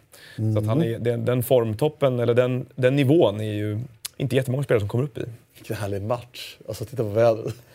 Men hela, he- hela helgen var ju briljant, mycket regn överallt. Och det gillar man ju lite grann. Vad tyckte du om Bellerins försök att täcka Madison Scott? Ja, det gillade jag. Jag gillar hans försvarsspel. Men jag tror att de var tillsagda. Jag tänkte inte på det. Att de föll med trebackslinjen. Stack högerbacken som Beirin in framför. Och det gjorde han inte bara en gång, han gjorde tre sen- gånger. Ja, ja, men, men hela, hela, han är ju dålig innan det också i det. Så att, eh, jag undrar om inte det var tillsett att de skulle stötta in så. Det, vilket verkar jättemärkligt. Och det är ju bedrövligt att se Arsenal istället. Helt jävla bedrövligt. Det är ju samma sak, vi pratade om Favre. Det var struktur och ärva, eller? För nu är det fan fritt fall alltså. Och då är min fråga till er. Eh, under en period så satt man ju på något sätt lovordade det som gjordes i Sevilla med Monchi och, och, eh, och Emri. Ja, han, ja, han har jag har Och, och stor respekt för vad han har gjort tidigare. Ja, men eh, efter det så har ju, kan man säga, Monchis sportchefskarriär inte blivit så som man trodde. Och Emrys tränargärning har inte gått åt det hållet som man trodde. Vad, har du någon tanke kring det? Varför det har blivit detta utfall för båda de två som var så oerhört hyllade? Ja, det enkla svaret är väl att det var en perfect match helt enkelt i Sevilla. Eh, och med det sagt så var ju Monchi där så länge så han hade ju perfect match med rätt många tränare. Så att, eh, Monchi i Sevilla var, var väl bara för jävla bra helt enkelt. Om han fortfarande är lika bra, det vill jag sätta ett frågetecken för. Då, men här är ju en kille som inte mår så bra utanför ja, Iberiska halvön, så kan man ju säga. Det är, Ser man det här vädret kan man ju till viss del förstå honom. Jo, det kan man göra, men det, det är ändå inte så att säga, sättet som Nej. han leder det Å andra sidan, han traskar iväg till Barclays Bank så är han rätt nöjd med det där vädret och vad, vad det ger honom. Nej men ärligt talat så, så det, det, är ju- det är ju en, det är verkligen eh, be- bedrövligt att se faktiskt. Det är ju inte så att det är, truppen är dålig heller. Det finns sådana världsklasspelare i den här truppen. Eh, och det är klart obalanserad till viss del och har lite otur med skador. Men, men det är Men ju... ändå så Ja. är inte det hela sanningen Nej, såklart. nej, och vi ser ju, det vi har varit inne på här tidigare, vi ser ju, alltså han pikade under förra vinterfönstret där någonstans. Då kände vi att fan det här, sen dess har det i princip inte gått rakt ner för det har gått så här. Och det är också grejen med honom, det är ett jävla hattande med alla jävla formationer och idéer. Och, Ja, nu var det första trebackslinjen sen april va? Ser man inga, och det, det är liksom så här, det finns ju ingenting, jag vet inte vad man ska stå på för fot då. Och då nej, det måste ju, det måste Nej, det, till det, en det, förändring. grejen med honom, vi pratade ju om honom. Vi hade ju en stor, stor Emery-diskussion, eller Arsenal-diskussion här efter Xhaka-bråket för två veckor sedan. Där vi alla fick lägga fram sina egna idéer om vad som vore bäst att göra här och nu. Och jag Den så då... kallade Ljungberg-diskussionen. Ja, precis som det var. Ja, det är fortfarande helt fel för mig eh, alltså, att tillsätta honom som ersättare här nu. Men eh, däremot när det gäller Emery så det är klart att det finns ju en, en, en gräns här. Det, det kan närma sig kritisk mängd resultat som är för dåliga och där Arsenal är både spelmässigt och resultatmässigt för långt ifrån vad de borde vara där jag nog skulle göra förändringen under pågående säsong också. Eh, och det går ju, kan gå rätt snabbt ditåt. Så att jag närmar mig nog den punkten att jag tycker man borde byta ut honom under pågående säsong. Ja, det är nu Så. ju. Rädda det som räddas kan, eller? Ja, det är det lite är ju så man så. känner.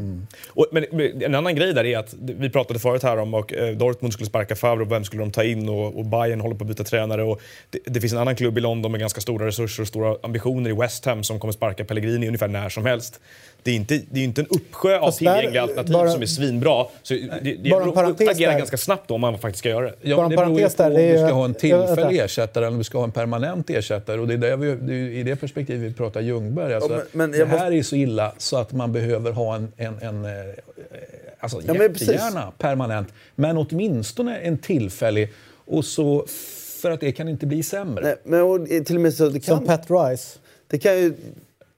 Eller Pat Rice, nej Riok var det. mellan, Pat- bryggan mellan... eh, Ja, Bruce Wen- Rioch, Ja, ja. mellan Wenger och... Jo, jo, eh, men skillnaden, skillnaden Nej, men där hade, de inte, ja, men där hade de en int- interim som var under en period innan han kom och tog över. Och det blev ju ganska bra. Alltså För- Bruce Rioch var ju tänkt som, han var ju inte någon inter, han var ju, han var ju tänkt permanent om du nu, om nu ska skriva han verkligen det? Absolut. Ja men Rioch ja. Som var precis innan Wenger. Ja, Ska vi återgå bara för, för du, du har ju en tes, vidare take på det här. Det är faktiskt så illa att- att det är direkt skadligt om han fortsätter. Det är ju lite det. Så en fin trupp kan förstöras ännu mer. Det måste bytas nu. Och det har vi samma problem med, exakt samma problem med Dortmund.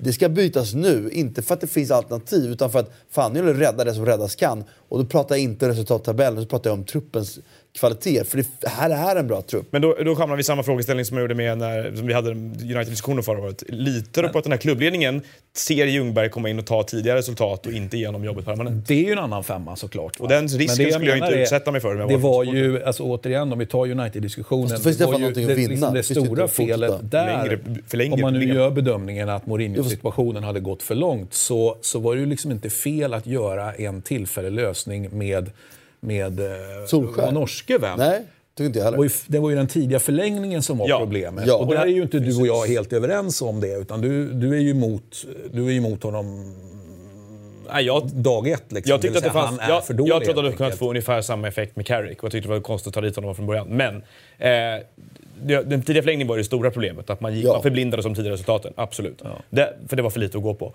Men eh, i det här fallet, när det gäller Arsenal, så jag upplever ju att det här är så långa och djupgående problem att eh, du löser ju inte dem med hjälp av eh, Egentligen löser du inte dem med hjälp av en tränarrekrytering nödvändigtvis heller. Det är klart du kan få Nej, bättre, det- det bättre effekt av saker och ting. gör. Eh, men jag tror att fortfarande då att, eh, eftersom jag är allergisk mot den här eh, en av oss killarna ska komma in då, att Ljungberg är Arsenal Jag och är därför inte är det lika bra. allergisk Nej, jag vet, men det har vi pratat om att, förut. ehm, Men får jag bara avsluta det här då? För att eh, det andra, det stora problemet med Arsenal här är ju att det här är ju igen symptom. Precis som att vi pratade om Xhaka-problemet. Det är Aubameyang-situationen som håller på att uppstå vid sidan av just nu.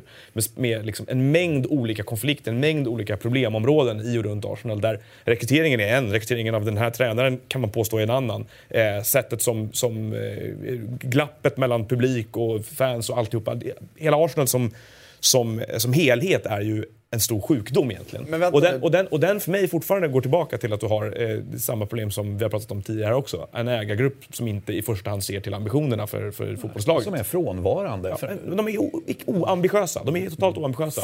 Får jag bara ställa jag, jag tycker personligen att det var rätt att anställa eh, Emery. Det var faktiskt en chansning värd att göra, tycker jag. Det fanns fog för det. Fanns, Absolut. det fanns en historik att gå på. Eh, så det kritiserar de inte alls för. Jag kritiserar inte heller hur man värvar spelare här för. Jag tycker egentligen att de har byggt, håller på att bygga en ganska bra trupp nu. En skicklig tränare kunde mycket mer. Vad man kan argumentera för att de inte har varit snabba nog, det är att agera på hans svikande form. Där, det, liksom, det fanns tendenser i våras. Det borde ha förberett för en snabb exit här. Det är det inte. Där kan jag däremot tycka att det är fel. Och jag säger tvärt emot det då i det här fallet. Förändring med, och att låta Ljungberg ta över, det finns i alla fall någonting positivt att vinna av det. Sen om det är stor chans för det, det låter jag vara osagt. Men här finns det inget positivt Jag- vinna. jag här att- är det bara en nedsida och, fortsatt nedsida. Vi, vi ser en fortsatt nedsida till 99%. Med Ljungberg ser vi en, en, en möjlig uppsida till 50-50. 10%. Ja, Okej, men- men min, min, mitt alternativ då, för jag, jag, jag tycker inte att interimtränartanken är speciellt hållbar. Jag tycker vad Arsenal behöver göra... ibland. Som, vi- som vi pratade om nu. Vad Arsenal behöver göra mig, i mina ögon är ju att planera och försöka vända på det här över lång, över lång tid. Såklart. Och en, som Liverpool gjorde när de skickade Rodgers ungefär så här långt in på säsongen för några år sedan. Det var då hade de ju Klopp förberedd och en idé för hur de skulle utveckla därifrån. skulle de ha förberett somras Arsenal. för- Förhoppningsvis har de förberett ett fullgott alternativ som inte är den chansningen Ljungberg är eller interimtränare. Utan till exempel att de har förberett de två, tre tränare ute på kontinenten som självklart tackar ja till att träna. Kör en interimstränare nu. tycker jag låter ett jättebra val. Flick. Mer, mer, mer resultat att gå på än vad du har i Ljungberg-fallet. Ja, och då diskuterar vi själva Ljungberg eller inte Ljungberg. Det var det vi är en pratade om tidigare. Jag, jag säger bara så att jag tycker att, att han ska gå för att jag, det finns bara nedsida härifrån och den nedsidan riskerar att förstöra en trupp som är, faktiskt inte är så dålig. Jag säger inte att de skulle vinna ligan med den här truppen, men de kan ta rätt förändring De kan nu. nå topp fyra, absolut. Så kan de nå topp fyra. Framförallt så kan den som tar över härnäst sen ha en bättre grund att stå på. Ja. Och, därför ska förändringen ske nu. Sen om Ljungberg är det, det kan inte jag se. Jag, jag, jag vill gärna tro det, för det jag var rätt roligt. Men jag tycker inte det var fel att anställa Solskjaer heller förra gången. Problemet jag hade inte med det, problemet är att man förlängde på, på helt felaktiga grunder. Jag tycker att till de här, för de här största klubbarna så är ju attraktionskraften i tränarjobben så stor att de ständigt ska kunna ha en, en backup-plan som inte inbegriper ett, eh, en interimtränarlösning. Att jag tycker att United samma sak. Det var ett jättelågt förtroende för Mourinho över sommaren innan de gick in i hösten. Precis som att det fanns förtroendeproblem för Emery i, i somras som gick in i den här hösten. Det vill säga att du har ett ganska, du har ett till vissa, till vissa delar realistiskt scenario. Det vet du inte. Ja, men, och då tycker jag fortfarande att sådär, för de här klubbarna så är det alltid en bättre väg att gå och ha en permanent ersättare redo, eh, någon att gå på och Men tro det på. betyder ju att de ska fungera då som klubbar och som klubbledningar så som klubbledningar och klubbar egentligen ska fungera. Ja, och det är min utgångspunkt. Men, ja, och det, det ska ju egentligen vara utgångspunkten, men här här, här, då måste man här har vi liksom inte det här det. fan trot helt enkelt. Där tror, vi, tror jag att Arsenals klubbledning eh, är så väl, Kompetent. Eh, ja, kompetent och välfungerande då som, Nej, det är klart som det var. Nej, det gör jag inte. Och då säger jag att då, är- då är det bättre att Fast- då, då måste vi kapa ballasten nu liksom för att det sjunker. Ja, det är jag Eh. Och då menar jag, jag, jag, ser, jag vill gärna ha kvar den här jävla båten. Är du med? Jag vill inte att den ska ligga på, på någon jävla botten. Exakt, det är väl jättebra. Jag vill bara säga det på det, men ni, ni utgår också från att det alltid finns tränare lediga per definition nu. Det finns ju ganska sällan. De kanske sitter inställda på någon som de kan lösa i sommar. Det är väl rimligt att tro. Det är ju Ja, det är grejer. Ja, men är han en deras långsiktiga lösning? Ja, då är det väl dumt att inte göra det. Men de kanske har någon annan klar och då kan man inte... Då, då är interimstränare en nödvändighet för just det Christian sa. Då- i det fallet Fan, ska, någon, ska någon ta över båten, från, lyfta från liksom, botten först och renovera den därifrån istället för att ha en båt som flyter? Ja, det är köper, där vi står nu. Jag köper också att om du har en tydlig idé om vem som ska vara den långsiktiga ersättaren till Emery och den personen är tillgänglig första sommar och det här är på väg att kapsejsa fullständigt så Ja, kan man vilket- ta en och det är det ju. Det är Inte riktigt där nu. ja, men såg du matchen mot Leicester? Ja, men jag tycker inte att det är där nere. Såg du matchen mot Leicester? Och inte tycker att det, att det var det värsta du har sett eh, Arsenal Nej, det var verkligen inte bra. Men Det jag det tycker, jag tycker fortfarande att om på. man går tillbaka några matcher så är det ju det är mest dåligt. Det är jättedåligt. det mest och jag skulle också göra förändringen ganska snart. Men jag är inte riktigt där ännu. All right, jag känner mig som Mats Strandberg nu efter Magnus Persson och Andreas Alm därför att eh, Christian Borell, vi pratar om historieskrivning nu. Eh, och eh, då har vi vår George Graham som slutade 21 februari 95 och sen, blev det en, här sen blir det en caretaker manager i Stuart Houston. Houston som sen blir ersatt utav Bruce Wright. Bruce Rayok. Ja, ett år. Sen hoppar han av.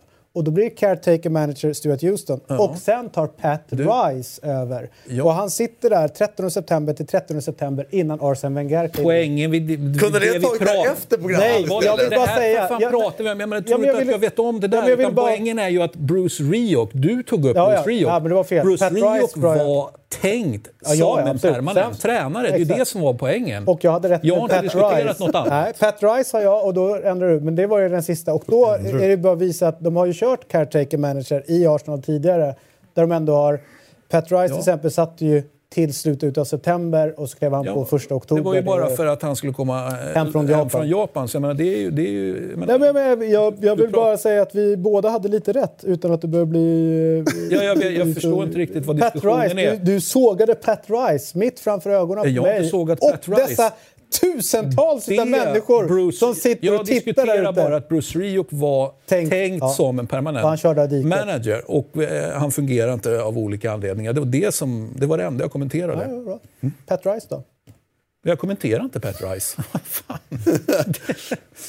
Ska vi ta, prata Tottenham Sheffield då?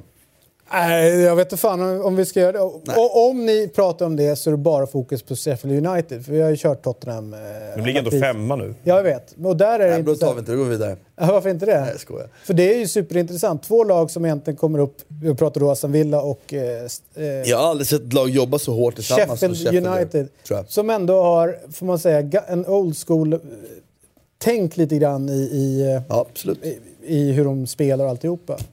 Det är en lång tid i första boll, 99 fall av 100. Det är ett extremt aggressivt pressspel över hela planen. Fantastiskt jobb gör de. Eh, alltså jag, jag skulle vilja se, kan någon ge mig en bra statistiksida? Jag vill se löpmeter. De måste ju ligga löpmeter över alla andra lag. Men det finns några tydliga svagheter jag tycker Tottenham faktiskt, och Pochettino är dåligt förberedda på. Faktiskt. Jag är lite förvånad över, jag försökte visa det i halvtid. De spelar med en fembackslinje och genom att och spelar med tre mittbackar. Om du knyter upp din offensiva mittfältare där på honom så finns det ett jättehål utanför deras tremannamittfält. För det tremannamittfältet löper så in i helvete mycket. Den ytan kan du spela hela tiden då. Men Tottenham hade ju en spelare som droppade ner en ficka. Då kunde de kliva upp. Då täckte han ju båda. Och det, liksom, det kan du göra om och om igen. Spelar du det och så stöter de med en ganska liten och stöter nämligen bara med några få i pressen, jätteaggressivt. Så vänder du ur den utan, så kan du också spela ur det väldigt enkelt. Så du borde kunna få ner dem med att spela en fembackslinje hela tiden. Tyckte jag var riktigt dåligt att Tottenham inte lösa. Ja, men det är, jag tycker det är lite kul med de här. Det är alltid något lag som sticker upp lite grann. eh, Vi trodde ju liksom efter tre omgångar att det skulle vara Norwich här, men det har det inte blivit. Ja, trodde vi. Jag tror det. Ja, de, de, de hade, jag tror de skulle ta fler Jag trodde också poäng skulle hemma. överraska liksom. lag tillräckligt mycket. Att de, de här hade bäst chans att överleva de tre som gick upp, givet sin spel, det, det var väl eh, rätt såklart. Ja, det inför. Men har du fortfarande ritat av eh, Aston Villa? Det gjorde du tidigt Ja, ju. jag, jag tycker inte de ser bra ut spelmässigt. Jag tyckte Wolves var överlägsna mot dem i helgen. Men Mm. Där ska, det- ska vara en sån stor skillnad, där, tänker jag. Däremot tycker jag att Aston Villa har en del väldigt bra spelare. Jag tycker ju, det, är liksom, det är inte på individuell basis de faller, utan jag tycker spelidén är lite för... Liksom, den är inte tillräckligt bra helt enkelt. Och Wolves körde över dem i första halvlek och så stor skillnad är det inte på Wolves och, och Aston Villas budget, om ens någon. Så jag tror fortfarande att Villa Norwich åker. Eh, jag, Sheffield ska man inte skriva av såklart. Eh, men sättet de gör, så hårt de jobbar kollektivt sett så... Nej, de kommer nog överleva tror jag. Det tror jag också. Och då är det en tredje lag man ska hämta någonstans. Newcastle kommer falla. Nej. Jag är övertygad om. Är ju rätt. För kolla på Wolverhamptons rad faktiskt. Det är bara två förluster. Det är viktigt att komma ihåg Ja. det. Southampton ser riktigt dåliga ut också just nu. Ja, de är ju... Och Watford vann i helgen och det var jätteviktigt för dem. Men eh, det, det roliga med... De hade dock lite marginaler emot sig mot Everton måste jag säga, Southampton. Alltså de hade ju Jo, det är Bra. typiskt sånt läge de är i ja, nu. bra läge att få en straff och så vidare och en del bra lägen och så gör Everton Men två vad- när det är... West Ham måste ju vara indragen där. Och... Ja, men de kommer byta tränare. Nå, men det är inte säkert. Det var det jag tänkte när du gick igång här Christian på, på Pat Rice eh, första vändan. Bruce Lee också. det också. Eh, så, eh, Alltså jag minns inte att han så nämnde Pat Rice måste jag säga, men jag, jag vet inte. Tack. det var jag som gjorde men då, då slaggade av. Men låt oss lämna det Christian, bakom oss. Låt oss gå vidare. Du, historierevisionisten Det är du som är David nu. Fjäll. Du kör ju ett program där folk där hundratusentals män, människor sitter och kollar på det här. Mm. Vi har ju facit på det här Ja, efteråt, exakt. så det är lugnt. Vi kan släppa det. Eh, det roligaste är Steve Bruce som har då eh, förklarat att ge mig bara lite vinster till så kan jag nog bli lika älskad som Som Rafa, Rafa. Benitez. Eh, det, det kände han lite grann när han satt inför den här helgen. Så blev det, Ja, han sa ju det. Jag vill bli lika Ja. populär som Rafa. vad han tror att han kan bli med lite vinster här. Ja. Men det är lite coolt att han vinner tycker Ja, jag. men- ja, det är och det- liksom, eh, Han ska inte sablas ner så jävla mycket som han, som han har blivit Ja, men det får du prata med din kollega i soffan. Jo, jag vet, men nu tittar jag. Vi har ju haft den här diskussionen några Ja. gånger på, på, på, i Weekend till exempel Ja. och sagt att Bruce, det är, det är inte... Då tittar jag på dig då. Det är inte så illa som, som, eh, som en del tycker. Det är ovärdigt en ambitiös Premier League-klubb att inte Fast- gå efter Det det. en annan Nej, femma. exakt. Am- am- Men fast ni är ju inte en Ni är ambitiös. inte en Nej, det är det som jag är arg på. Jag är inte arg på Bruce. Nej. Nej. Det har jag aldrig varit. Nej. All right, låt oss gå vidare. Eh, det känns skönt att lämna England eh, och ta oss till eh, Italien. Där. Okej, Kulusevski. Det, det går liksom inte att komma undan den här killens eh, framfart i, i Serie A. Eh, och det som är nästan coolast tycker jag, det är egentligen han är ju helt immun emot vilka han ställs emot. Alltså det är ungefär som att ja, men San Siro ena veckan eller någon jävla Piazza någonstans för att visa upp någonting. Alltså, han, han känns... Han känns så Han given och klar och självklar och att han alltid har varit på den här scenen. Liksom. Det, jag jag känner det, det är ju någonting mentalt Ja, där som är det är väldigt den som är- imponerande. Man får ju ingen känsla av att han ska börja åka upp och ner i form utan man bara känner att han är permanent nu. Han, han kommer, bara han kommer bara fortsätta så här. Och då ska han ju starta ett landslag och hans lag. Han kommer inte göra det i en sån här match nu, det förstår man ju. Med tanke Och det är sent i cykeln och så vidare. Exakt. Så att det, Men, men, eh, men vilket jävla sparkapital, herregud vad vi har det är ju, Sverige. det är ju den största talang vi har sett i Zlatan. Ja, är jag så säger pass? inte emot. Ja, nej, men det är jävligt häftigt. Eh, Det och, finns ingen annan som har presterat på den här nivån i den här I den åldern. åldern? Nej, det är det inte. Gör det inte. Nej, och sen är han ju så jäkla direkt också. Jag tänker om man jämför med, med andra när du säger att det största talangen sen Zlatan och så tänker man på Isak och så tänker man på Quaison såklart.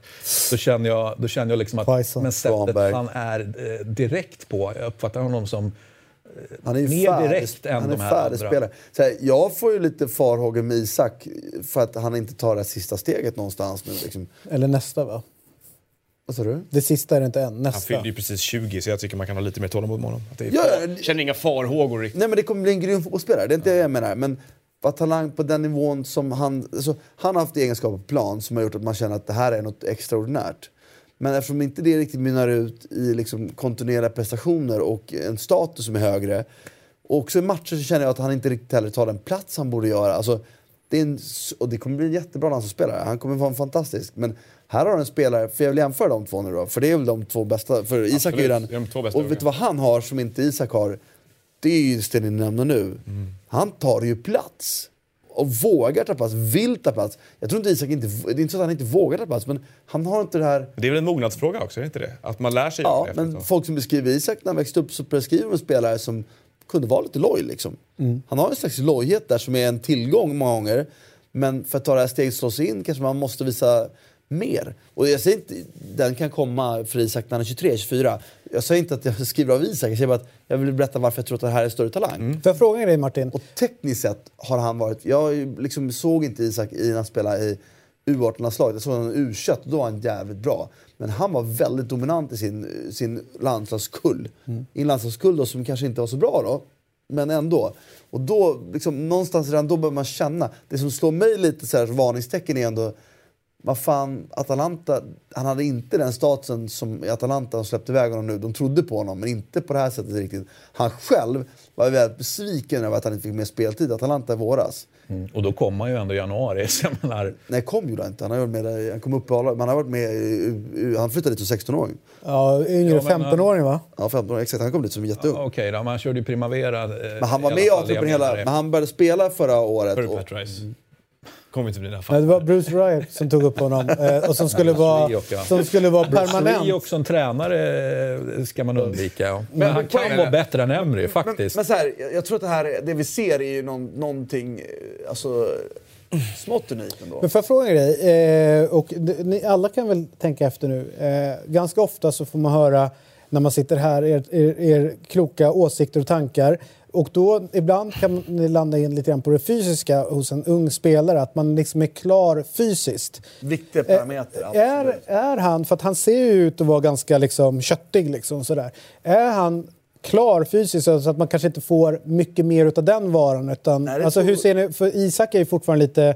Spinkig, Alltså, han spink. Han är eritrean precis som jag. Och vi har ju, du ser ju, jag ska säga Isak, Isak har ju lagt, alltså, byggt på sig. jo, men det är klart han gör. Men om man ser det Zlatan var från början och där han är nu Nej, så han är det är klart, han är inte klar så. Men, men alltså, hur, hur mycket mer, om, om du ser den fysiska aspekten, Kulusevski, är, har vi en, en, en vuxen man som 19-åring eller har vi mer att liksom jobba upp? Vi har mer, för han är ju inte färdig här. Jag uppfattar honom inte alls när du säger bit eller vad det nu var du Nej, jag sa. tycker att han... Alltså, nej, Han men, är ganska... Jag tycker han ser- han inte kraft, att han är spinkig, absolut Han har- inte. Men nog fasen ska det kunna hända lite mer Det med kan den kroppen. göra. Det är- framförallt så är det, är det, det det som utmärker en spelare är inte de fysiska egenskaperna först och främst. Utan det är ju spelbegåvningen, touchen och, och den typen av egenskaper som inte är lika. Jag menar, ni pratar om fysiskt, liksom, man ska väga in fysiken, det är de här som verkligen Jobb, lever på sin det. Lukaku till exempel. Ja, exakt. Och, och det, det är ju inte fel att ha den. Men Och ska man- självförtroendet som du var inne på. Alltså det är en Ja, mental det- aspekt. han har det. en det finns mental flera, jag tycker det finns flera inte- aktioner per match när man ser honom där, där man kan se andra spelare hamna i samma, samma sits. Och det finns en, ibland en halvhjärtad tro på att jag kan komma förbi här, jag kan komma till skott här till och med. Jag kan toucha in bollen den ytan och skjuta. Där han varje gång kommer fram. Till och med som tittare slutar jag tro på att han kommer komma till skott, men han gör det ändå. Mm. Men det... där är så här, det, där är, det där är en egenskap som ofta bär, kan bära spelare ganska långt. Alltså. Och, och det handlar ju... bekommer ju inte, om han nu misslyckas med någonting, så, så gräver han ju inte ner sig för det. Utan han kommer ju igen och igen och igen. Jag menar, det finns ju många äldre spelare som kanske till och med har hyfsad mentalitet som kan gå ner sig när man liksom inte får, eh, får med sig aktionerna. Han verkar ju vara helt obrydd om det. Jag Han bara bara säger- mörsar. Jag vill bara säga det, det, dels är det ju en mental höjd så här, här, men det, är också, det vi tror som är modigt, det är ju egentligen en beslutsfattning som vissa spelare har som är på en annan nivå. Ja. Du, du pratade faktiskt, det var intressant du sa, när du mötte eh, Sampiadense, Mm. Andreas Johansson. Så här, Där fick du typ en spelare som faktiskt på allsvensk nivå hade en beslutsfattning som var väldigt, väldigt bra. Mm. Och de spelarna de gör rätt beslut hela tiden. Och det är ju Det det, är fotboll hand- för dem, det, liksom. det är ju det som fotboll egentligen handlar om. Messi är ju inte magnifik eh, på att göra svåra dribblingar. Han är magnifik på att ha en touch som en gudabenådad, med att ta rätt beslut. Och det är det jag upplever att han är.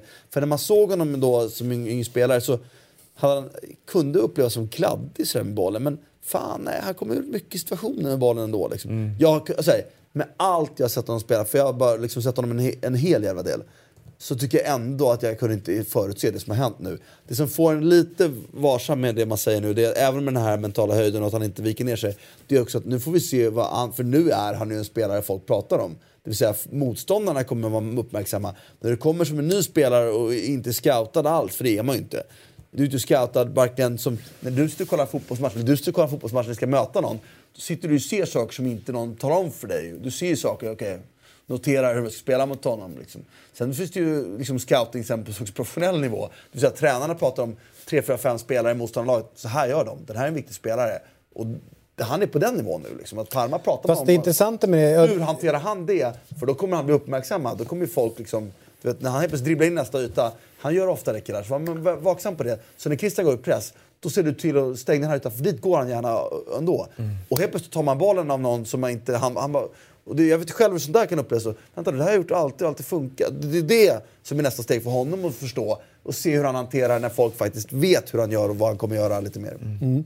Men just det där, jag tycker det är lite intressant eh, när man eh, pratar om spelare rent generellt och man märker när man är ute och intervjuar att det finns någonting här uppe som är eh, bisarrt hos, en- hos de allra största. Alltså det, det finns någonting som är...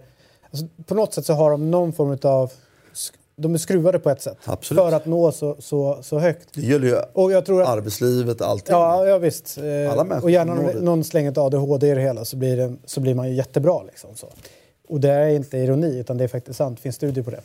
Eh, men, Så frågan är, är han tillräckligt bisarr? nej, men, jag, men det är det jag menar. Så här. Ja, Jag tror att den delen, många av de sakerna som man pratar om, som är, att man ska bli bra. Jag menar, Zlatan blev, lärde sig på att bli bättre på att nicka eller göra enkla mål. Eller, du vet, så här, man kan jobba på, på eh, snabbhet och explosivitet.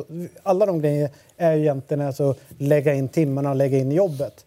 Men jag, jag, typ, jag landar någonstans i det jag tycker är coolast med honom. Det är ju skallen vid den här åldern som han är vid. Att dels har han varit en jättetalang ända sedan han var liten. Eh, supertalang. Flyttar, flyttar ner till eh, Italien solo, liksom fixar hela den delen. Fixar också att ta sig upp till ett A-lag och sen tro så mycket på sig själv. Och det är här det är det intressanta. Den här tron på att man är bäst. Tron på att man kommer att bli bäst. Jag tror att den är så jävla viktig för att att sen gå vidare. Att, att, att, nu ställs han mot Roma. För, ett år sedan, lite drygt, satt han och kollade på TV liksom och, och såg de här stjärnorna spela. Och nu är han där och viker inte ner sig en sekund. absolut. Och han Jag tycker tyckte- det är så jävla häftigt. Exakt, det han som är, tyckte bevisligen då, eh, enligt vad man har förstått då, eh, att han skulle lira. att han borde ha spelat mer. Det är ju också ett så här tecken på att någon...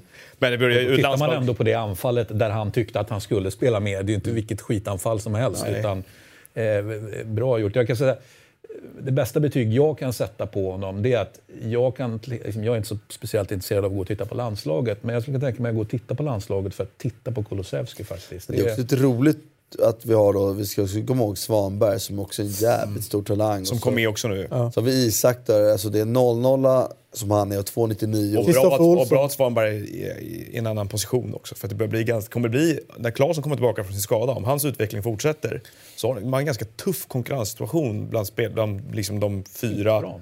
fyra platserna längst fram. Med där liksom Isak, Quaison, Forsberg, Claesson, han. Du har andra spelare Då i... behöver vi få fram en riktigt bra central mittfältare som kan göra tärnjobbet. Ja, för eh, foten har vi ju Bojanic redan. Så att, eh, Fatta, fatta en Jonas Tern över det här hade varit. Fan vad bra han var. Så. Men du, en, en fråga då. Om, nu, 25 år. om vi kör samma då, som hastigast då, landslagssnacket. Vi kan väl jobba in det under Italien. Vet, Ja, Kulusevski finns där och. Svanberg finns där och så vidare. Och Gagliolo. Ja, men, eh, Gagliolo finns där Som också, också som spelar. igår. Men det här med Emil Forsberg. Eh, är han så jävla given? Sett till de här namnen vi nu rapar upp. Eh, Jag tror, är han är, han jag tror fortfarande att han är väldigt given, Emil Forsberg. Men jag tror att, Nej men skitsamma vad de, han är, vad eran, han är eran värld. utsatt för en annan Precis. konkurrenssituation nu såklart. Eller blir ju. Framförallt tror jag liksom om man blickar framåt ett år mot en eventuell EM-premiär. och Sådär, så, Jag vill ska peta honom. Nej, jag, det är det. Jag fortfarande inte, det är- lätt också att börja vilja forsla in allt det nya för att han har bra form nu. Och sådär. Men även om Forsberg har haft skadeproblematik och en lite skralare poängskörd två år så när man ser landslaget spela så är det väldigt ofta som han är bäst av de offensiva spelarna av allihopa. är Så, att, det, så att jag, jag har svårt att se att, man, att det sker stora förändringar där. Och framförallt så har det varit det har ju varit ganska mycket lojalitet nedplöjd i ett par spelare i det här laget under ganska lång tid. Så det krävs väldigt mycket. för Jag håller honom som eh, en av våra tre bästa spelare, Forsberg. Så det, det är inte han man petar. Liksom. Det, men däremot får vi se. Det är mer intressant, och, och det är kanske det du anspelar på, hur han kommer vara rent fysiskt. För att, som det är, historien har varit. Men fan vet om han ens ska spela i EM. Liksom. Nu ser det ut som att han spelar, man spelar inte varje match. Och det, ut- eh, liksom, nu följer jag inte Leipzig så, dagen, men jag vet att han inte startar ju och spelar sällan 90 minuter ändå, fast han är bra. Liksom. Så vem fan vet om han spelar i vår? Liksom. Det, och då är det en annan fråga. Vi har en, en Viktor Claesson som har varit lysande innan han gick sönder. Landslagets, han ska landslagets bästa spelare i sista året innan han skadade en av de tre, fyra, absolut. Tyckte jag i alla fall. Ja, jag håller med om. Jag kanske inte säger bästa, det är så, liksom, så definitivt. Men en av de tre, fyra bästa, absolut. Men han ska också komma tillbaka i form. Det är inte så här. Från en svår skada. Ja, och Men det- men Claesson de- för mig är en spelare som leder mycket mer på intuition och driv. Och min erfarenhet är att den typen av timing hänger på kontinuerligt spelande mer än vad det gör typ sån som Forsberg som lever på en magisk touch. Det kan man bara hoppa in och lira för det är en bollbegåvning. Men, Men, men oavsett så är det var det länge sedan vi hade en uppsättning tekniska spelare, eller tekniskt orienterade Nej, spelare som den som kommer nu. För det som är intressant är ju när, eh, när eh, de tog över landslaget här så satt jag och pratade med, med grannen Peter att ni kom in i ett ganska jobbigt läge nu precis när de tog över. För rätt många som la av och, man, och det var en ganska stökig generationsväxling. Det var ingen som trodde att Sverige skulle ta sig till VM eh, 2018. Sett till den gruppen och, och liksom vad som hände runt laget. Eh, men om de orkar hålla fast nu något, tag, eh, något år till i sin förbundskaptensgärning eh, och börja få liksom, jobba med de här spelarna som kommer upp. Då blir det jävligt intressant att se hur mycket de också vågar anpassa sitt sätt att spela till de nya förutsättningar de har rent vilka spelare som kommer in. Jag tror inte att man kommer göra revolution, ska de göra, nu ska vi liksom driva på och liksom öppna upp och sådär. Men det blir ju, Det möjligheterna öppnas ju upp. Men de var lite grann av det. Ja, men det är klart det har Norge gjort, borta i men- våras så var ju liksom... Jo, men det, vi, vi nämner nu Kulusevski, Isak, Svanberg. Alltså det är en annan typ av, det är en annan typ av spelare vi får fram nu än vi historiskt sett har fått fram. Det är inte... Framförallt en helt annan, en helt annan uppsättning egenskaper än de de hade sitt förfogande i de första landskamperna. Men, men visst, jag förstår. Det är ju en intressant sak att följa. Eh, Ja. Jag tycker de har bevisat till viss del mot Spanien-matchen, för att ta ett exempel, att man spelar Kristoffer Olsson centralt. Hade det varit lite gammaldags där, vilket jag själv Så det tänkte tanken, Gustav Svensson istället. då hade ja, eller Seb Larsson centralt. Eller för jag menar, det ha varit, så där gjorde man ju ett val mot mer spelande mittfältare och det föll väldigt, väldigt väl ut. Samtidigt som man gick tillbaka från att spela då eh, Isak Quaison mot Norge och gick tillbaka till Berg. Som Berg är ju mer den klassiska forwardstypen alla Sverige. Så att de balanserar väl där lite. Men det är, visst, det är en sån sak som är intressant att följa. De, hur, hur ska de hantera sina trotjänare som faktiskt inte räcker till längre i den gamla skolan mot de här nya? Och hur ska de ändra spelfilosofin då? Där jag alltid tyckt att Janne har varit väldigt bra för att han har spelat en ganska enkel spelmodell. Eh, som har varit ganska mycket bas. För du har inte heller så mycket tid kanske ett A-landslag att stå upp en ny. Ja, det, är, det är ju helt rätt väg Ja, att gå. det, det som eh, tror jag kommer hända under... Jag tr- nu har vi den samling vi har nu. eh, Och Nu de, och de, de, har de, de har tagit ut en stor trupp. eh, Och det är ju egentligen för att inte behöva peta någon av de äldre till den sista och de kommer antagligen få kanske något nej tack och så har de liksom folk på plats. Men det blir spännande att se sen till EM, för då är det 23 man som ska tas ut. Och då är det så här, vad händer med Gudetti som har varit med på hela resan egentligen, men spelar knappt någonting? Är det rimligt att han åker med? Förvisso en bra kille att ha med i laget och jag vet, så här, allt det han sprider runt omkring sig. 25, men är det okej då? De har tagit ut 25 till den här, men är det bara 23 till Jag vet, jag, jag satt och räknade. Eh, och, jag, eh, förstod.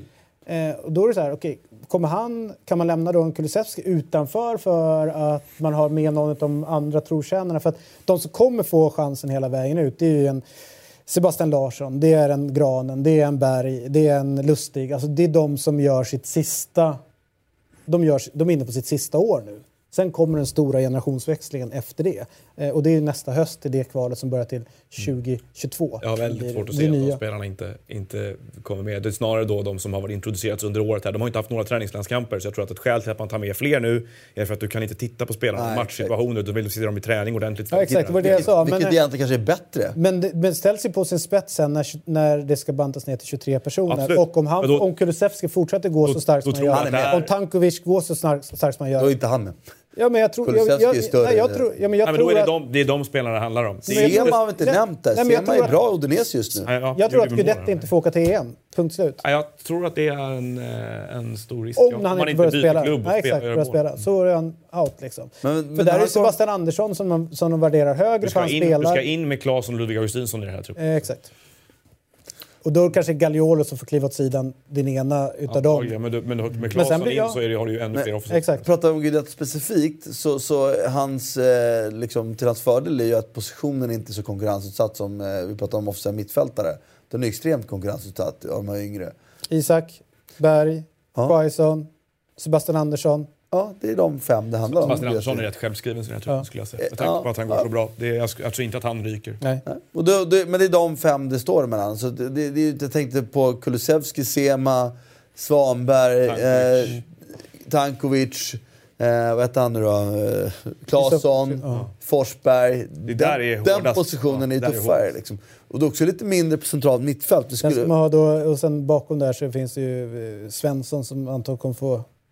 Som älskar verkar det Ja, Jakob Johansson frisk så är säkert han med också. Nej, men du, du pratar om den positionen, den, är mindre konkurrensutsatt också. För där har vi just nu Ekdal, Seb, eh. Olsson, Och Gustav Svensson. Så där är ju mindre, just den här ytter mittfältsrollen, det var ju det du var inne på Mm. Gunnar. Det är ju den, Den är hårdast konkurrensutsatta just nu. Sen är väl eh, mittbacksparet, nu har de ju gått hårt all in på Granqvist Lindelöf fortsättningsvis här, så det är väldigt svårt att se att de skulle spräcka det på något sätt innan en EM-premiär. Men där bakom är Helander och Jansson som har varit de två standardvalen så får man säga att de är utsatta av Danielsson här på något sätt. För de var väldigt imponerade av Danielsson när han var med sist. Vad sa du? Eh, Att eh, Jansson och Helander, ja Ja, precis. är- är för första gången ja. Och där tror jag Pontus Jansson ligger före, givetvis i pecking order, eh, runt det hela för att han också kan ju... Eh, an, alltså vet hur, han, hur de använt honom tidigare med... Han har ju till och med varit kapten i vissa landskap. Ja, och, och, vi fattar. Han, Ja, han ligger nog bra till. ja så är det. Härligt! Spännande att följa. Ja, det blir jättespännande att följa och det var också jävligt spännande igår tycker jag. Kolla Juventus eh, mot Milan, det blev 1-0.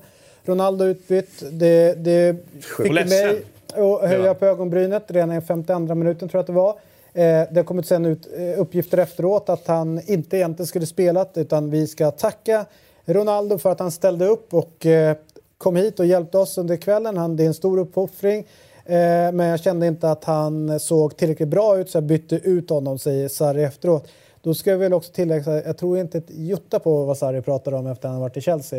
Eh, men skitsamma. Det är uppenbart någonting fel på eh, Ronaldo. på Ronaldo. Ja, han har inte, det, det är inte tryck, samma tryck i grejerna. Han, han, det, det, han springer, det ser konstigt ut när han springer. Det ser avigt ut när han försöker göra sina finter och sådana saker. Men en sak jag har lärt mig, och det är egentligen från TV3 och det är innan Martin Åström började. Då satt de en gång i tiden och så sa de Del Piero, han är slut nu. Eh, men Stora mästare, gamla, stora, bra spelare har alltid en sista vår kvar.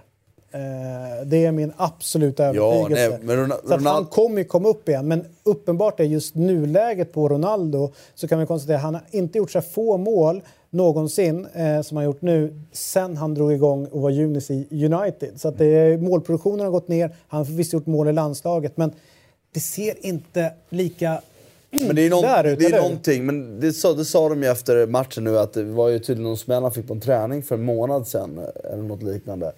Som har spökat. Och, för det är min, det som jag slås av när han ser inte ut att kunna röra sig normalt. Och det, och det, mot vad han brukar göra. Och det, och det är... Att han ens kommer till spel då förvånar mig lite. Liksom. Det ska han inte göra, tycker jag. Men, eh, och det säger inte jag att jag tror på Sarris version av det där. Det, det, det låter jag vara helt osagt. Det får verkligen framtiden utvisa. Men, men det är ju... Perfekt sagt här och nu. Ja, och, men det är, så här, nej, det, det är helt uppenbart för mig att Ronaldo inte är vad han borde vara. Och det handlar inte om ålder, det handlar om någonting annat. Sen kanske åldern gör att han knät inte läker lika snabbt, fan vet jag. Men, Men det finns en grej som jag störde mig och det är på. så, också att säga, Sarri har ju lite tur här på ett sätt och vis också. För det här kommer bli mycket, mycket större grej om de hade förlorat. eller någonting. kryssa. Nu är det faktiskt Dybala som gör målet och ett klassavslut är det dessutom. Även om jag blev sjukt förvånad över hur lite Dybala jobbar. Alltså han går ju runt och så kommer in och spelar en halvtimme.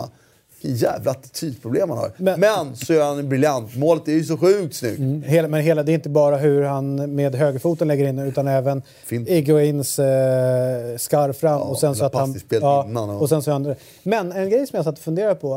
Eh, även fast man är jättestor och man heter eh, Ronaldo, det är R7 och allt möjligt. Men, men just det här som, som bandiera och fanbärare för ett lag så är det väldigt sällan i Juventus just man ser den där aktionen och bara traska rakt ut i omklädningsrummet. Eh, om man säger de gamla stora mästarna som man har haft där skulle aldrig gjort en sån här sak. Utan det, det, gör, det görs här och nu och det görs under Sarris vakt. Bara en parentes. Eh, men när man sitter där i omklädningsrummet, kanske surar eller har lite ont eller vad det nu kan vara. Att man inte vill vara en del utav den här festligheten som blir när, när målet kommer. Det är match mot Milan, det är Dybala som gör mål. Alltså det, han är ju fortfarande en del av ett lag just så, eh, känner jag. Eh, och även att bara gå in och kolla till hur knät var. Kom ut. Men, ja, men för mig känns det som kymigt att, eh, att man går rakt in i omklädningsrummet på det sättet under en match. Man är, visar inte tillräcklig respekt mot den som kommer in, man visar inte tillräcklig respekt mot laget eller tränaren eller supportrar eller sådana saker. Jag, jag har jätteproblem med sånt. Nej, inga problem alls med det. Han klappade om Ronaldo, eh, Dybala, går rakt in. Att han inte stannar till matchen är slut. Det finns massa anledningar att det kan vara det, att han inte gör det. Eh, Och jag har heller inga problem med det heller om jag ska vara ärlig. Det är hur professionell man är när man är på träning och sin attityd i Och jag tycker det är oprofessionellt också mot det man visar upp i en sånt, sånt läge. Jag tycker det, det mest intressanta blir ju ändå precis det du säger att det här är faktiskt Juventus. Och det, det menar, du kanske kan göra det, även om vi tycker kanske illa om det i, i alla klubbar, så ja, men då kan man komma undan med Funkar i det. Newcastle? Men i Juventus så spelar det ingen roll vem du Så det är och är. Alltså, Nej, jag kan ja. tänka mig utan att... Så vad tror du kommer hända nu då? fakta.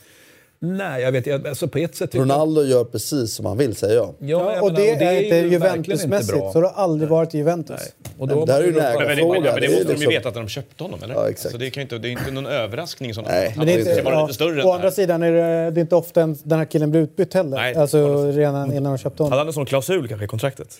Att- Aldrig bli utbytt-klausul? Nej, men jag tycker det, bara, det var bara en liten eh, sådär. Och det har ju det har inte varit pissespelare i Juventus som har spelat på topp. Och, och liksom, det har varit allt ifrån Platini back in the days till Del Piero. att till- säga ja. Platini, alltså, utan Ja. att sitta på någon facit där, men gick Platini direkt ut och var helt övertygad om att han inte gjorde Jag det. Så att, eh, Nej, jag tycker det, Men, för, det, för, men det, är ju det, skillnad på Platini och Ronaldo. Alltså det är ju, Platini var ju en gigantisk fotbollsspelare och stjärna, men Ronaldo har ju en annan, förmodligen en helt annan självbild och en annan global räckvidd i sin stjärnstatus än vad Platini hade. Så är det ju. Känner du Platini? ja, nej, men alltså, det, är väl olika är är tidsåldrar såklart. Det är olika tidsåldrar. ja. Ett, ett varumärke nu av Ronaldos kaliber är inte vad varumärket. Platini var då. Så är det ju inte. Du, Men vadå, du, jag där säger jag att jag är av den absolut raka motsatsen. Du kan få låna Platinis eh, själv, Ja, men sluta hamna i en sån diskussion. jag vill höra- menar, snacka om om vi tar Platini, du är en av dem. Men sluta... Vad, vadå? Vi, vi pratar ju om själva. Sluta själv för fan. Ja. Jag vill höra vad du tror att Ronaldo... Varför tror, är, du, är ni förvånade över att Ronaldo gör så här? Jag är Nej. förvånad. Alltså jag är förvånad att det sker, alltså, inte att Ronaldo gör det, men att det sker i Juventus är förvånande, absolut.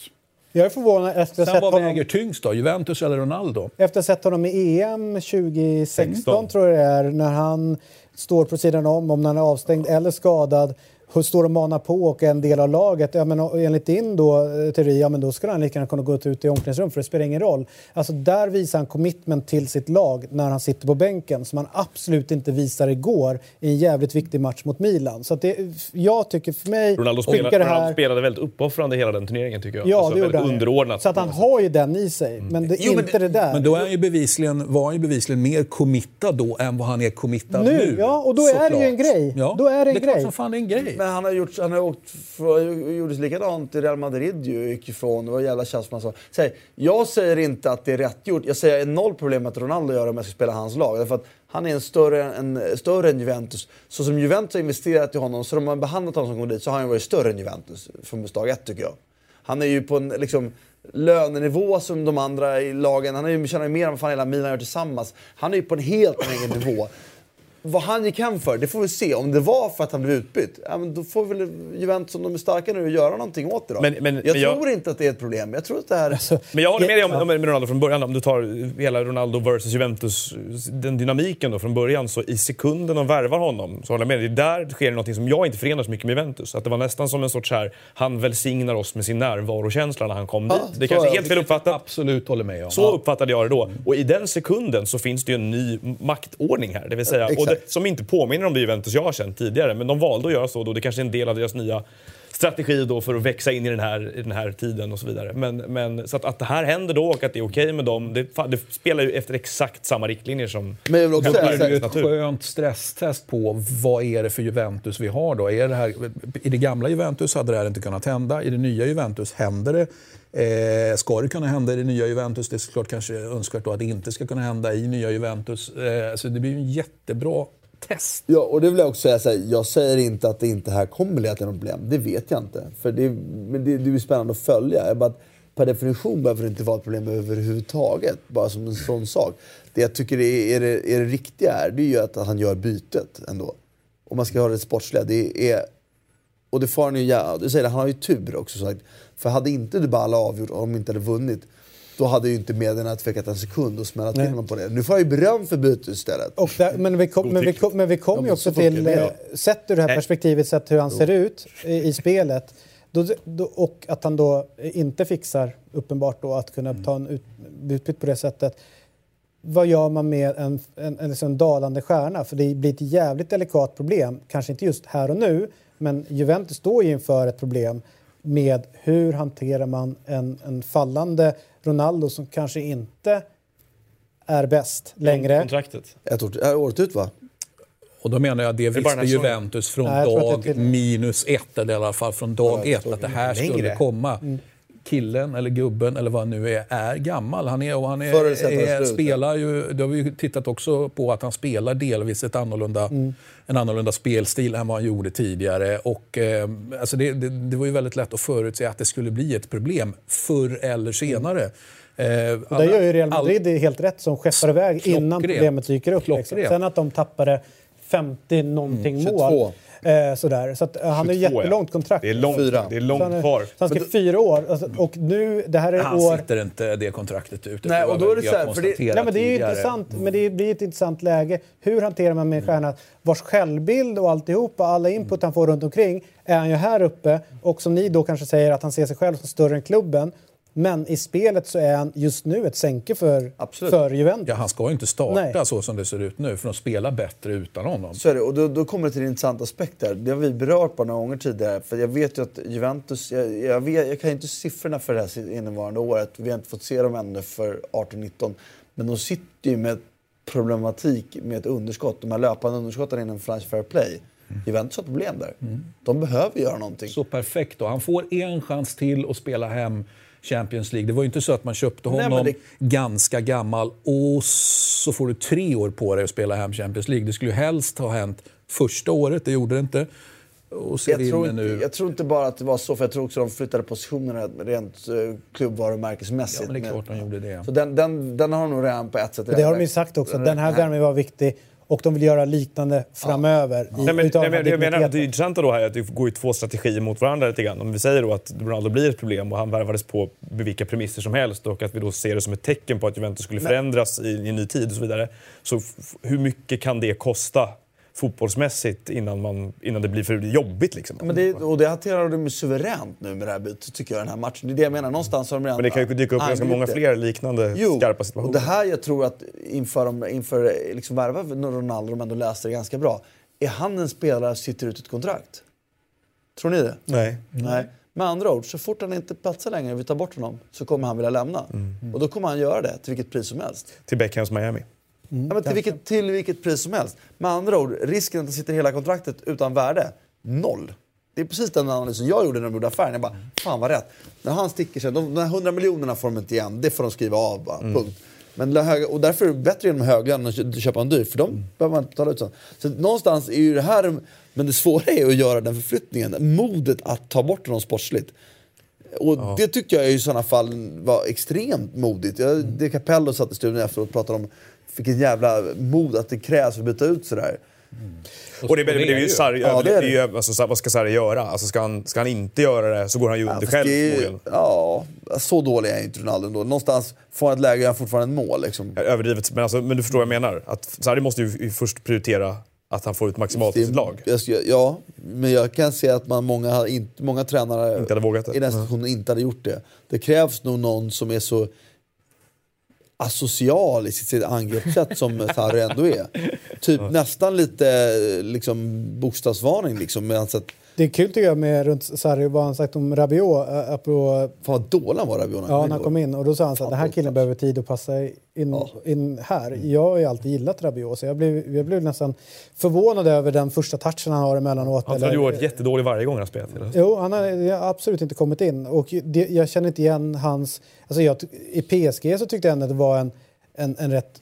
Att han såg relativt bekväm ut i, i sina aktioner och sådär. Det ser man ju ingenting utav Men de spelar mycket nu, liksom. snabbare i Juventus än vad PSG gjorde också. PSG Jo, jo, men killen av- är ju en, det är en världsstjärna som ska kunna hantera en... en eh, Så, till, till hans försvar kan vi säga att han kommer ju från en, en ganska lång period av Absolut, så är icke-spel. Så att, men med det sagt så man får ju nästan känslan här initialt att han är nöjd med att ha kommit hit. Fan, jag, är du med? Nu har jag kört PSG, låt vara en sak. Jag är fransman och du vet Paris och hit och dit. Men jag fick komma till Juve, är du med? Fan, jag är jävligt bra. Liksom, men, men, vänta bilden har inte jag Ska du fortsätta utvecklas eller ska du bara vara nöjd Exakt. med att du är randig? Det, En fråga apropå målgester då. Eh, honom släpper de ju släpper de ju med vinst. ja, exakt. Det är ju bra deg. De är apropå inte randiga längre. målgester, Nej, vad, vad säger ni om Dybalas den här? Hur, eh, Ja, den är bra. Visst är den det? Ja, för fan den är jag satt bra. och tänkte på det igår. det är ju Barn inte världen över målgester, som har men det här är fått, bra. Ja, liksom. den måste fan vara en av de mäktigaste ändå. Det är ingen jävla sånt här skit utan det är ganska enkelt. Trots en att den är uttänkt så är den bra. Ja, den är hur? det, eller det är fan... Jag såg i och för sig en jävligt bra målgest i helgen. Eh, det var ju någon gjorde mål. När han hade gjort mål, vet du vad han gör då? Mm. Han ber om varare. Kom igen då! Eller Kör- vad Det är lite han? roligt. kör- onekligen, ja. ja. Men var det, var det Sheffield? Nej, det var, det var Sheffield va? Som lyssnade gjorde den här målgesten. Ja, det. Ja. Alltså att den, eh, det är jävligt roligt. Att, Säger allting om Ja. dessa tider vi. Vad roliga tider ju! Ja. Ja, Vi ska bara nämna för sakens skull att Milan gjorde sin bästa prestation Ja, med Pioli. och de såg eh, bra ut Verkligen. stundtals. Eh, Benazer vill jag... Benazer, Ja. exakt. Det är också bra. Och, och, men det är en sak att vara bra mot Juventus. Det är mycket lättare att vara bra på ett sätt relativt När de ska börja styra matcher. Föra spelet. Men Pioli är ju en tränare där höjderna är bra, tycker jag ofta. Man får inte glömma bort en bra tränare. Pioli la bra grejer i Lazio också som Inzaghi tagit vidare. Så det, En fråga till er. Eh, det här med andedräkter kan ju vara stökiga grejer, eller hur? Eh, alltså om någon har riktigt iffy andedräkt så kan, så behöver kan inte ta tugg med dig. Nej, men alltså det, det Vem vara- menar du? Nej, men, nej, men det är ju fan en av de värsta grejerna man kan råka ut för. Eh, igår, om det var precis före matchen, så eh, gick ju Sarri och Pioli och kramade om varandra. Och sen så kör ju eh, Sarri den här gubbgrejen, vet, han håller kvar huvudet. Alltså, Stefan Söderberg brukar klappa en på kinden, vilket är väldigt frustrerande. Men Sarri höll kvar huvudet på Pioli och stod så här nära med sitt ansikte.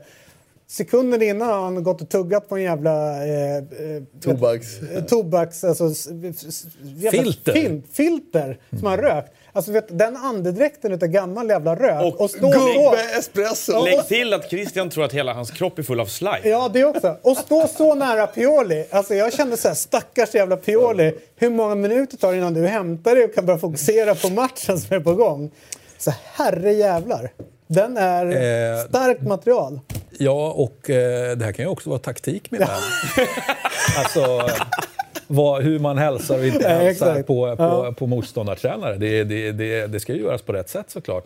Perfekt Sarri, säger jag. Du, Fast då är Ronaldo hur lack han blir när, när Sarri med dålig andedräkt berättar att du bänkar. Exakt. Det är därför eh, Ronaldo går dåligt, för han har ju Men här- blivit exponerad för Jag Sarri. säger inte att det är troligt. Men Ronaldo skulle kunna vara sur också för att han inte känner att det inte funkar med knät man går ut. Men det är ju inte Men det är väl absolut en pusselbit Ja, men det är vi absolut. Så kan det vara. Men, men, men, men jag, tror, jag säger inte att det är den troligaste anledningen till att han går ut åker när det är tre minuter kvar av matchen he- hem från arenan. Men Nej, men jag tycker det är, man är kvar med laget. Det är bara min, min del. Ja, man, är, jag. man är ett Och- lag, man är en del av ett lag, Ja, man gör men det tillsammans, man är jag kvar. tycker också det, men jag vet en- tillräckligt mycket om människor att, att, att, att, som är, de är olika och man reagerar olika på olika saker. Man måste I Afrika det. hade det aldrig hänt. Nej, och, men i Eh. Eurotalk händer det när du lämnar studion för att kissa varje gång. Vi andra ska fira att avsnittet är över så är du aldrig här.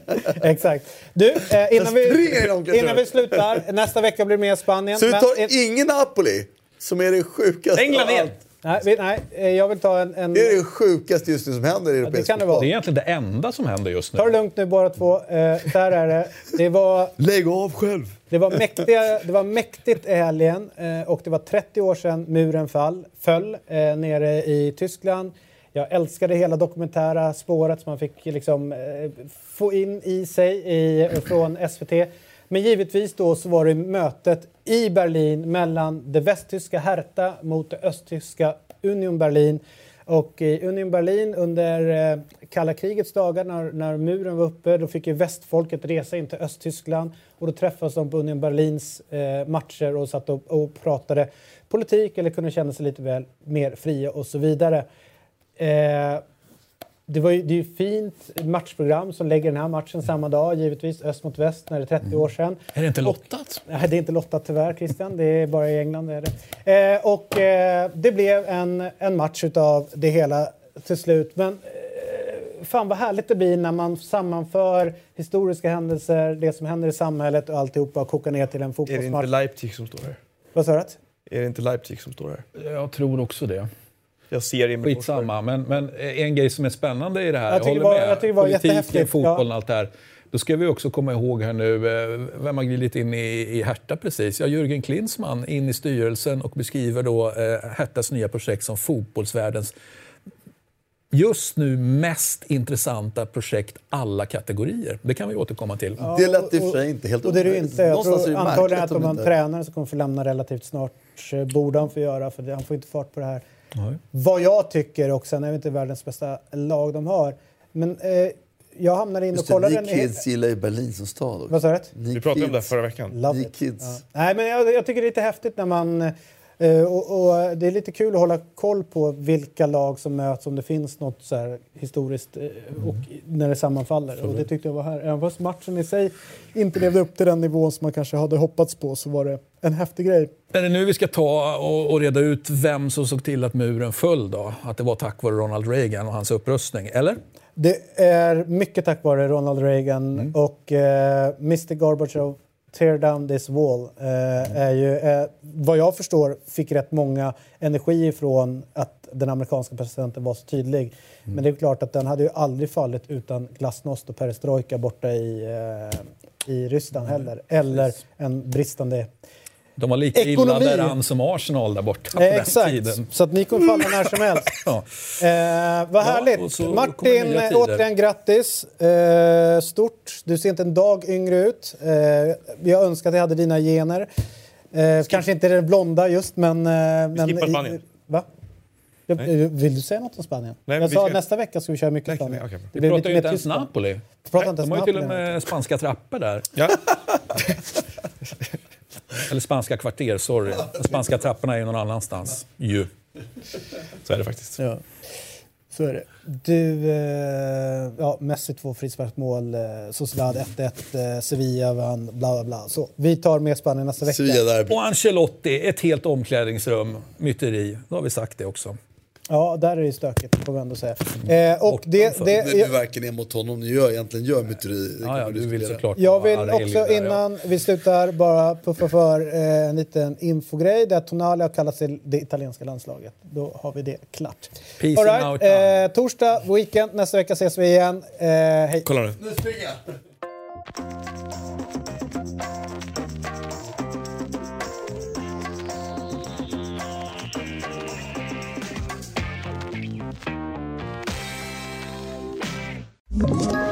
Ett poddtips från Podplay.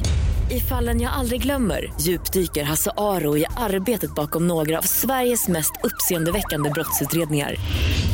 Går vi in med hemlig telefonavlyssning och, och då upplever vi att vi får en total förändring av hans beteende. Vad är det som händer nu? Vem är det som läcker? Och så säger han att jag är kriminell, jag har varit kriminell i hela mitt liv men att mörda ett barn, där går min gräns. Nya säsongen av Fallen jag aldrig glömmer på Podplay.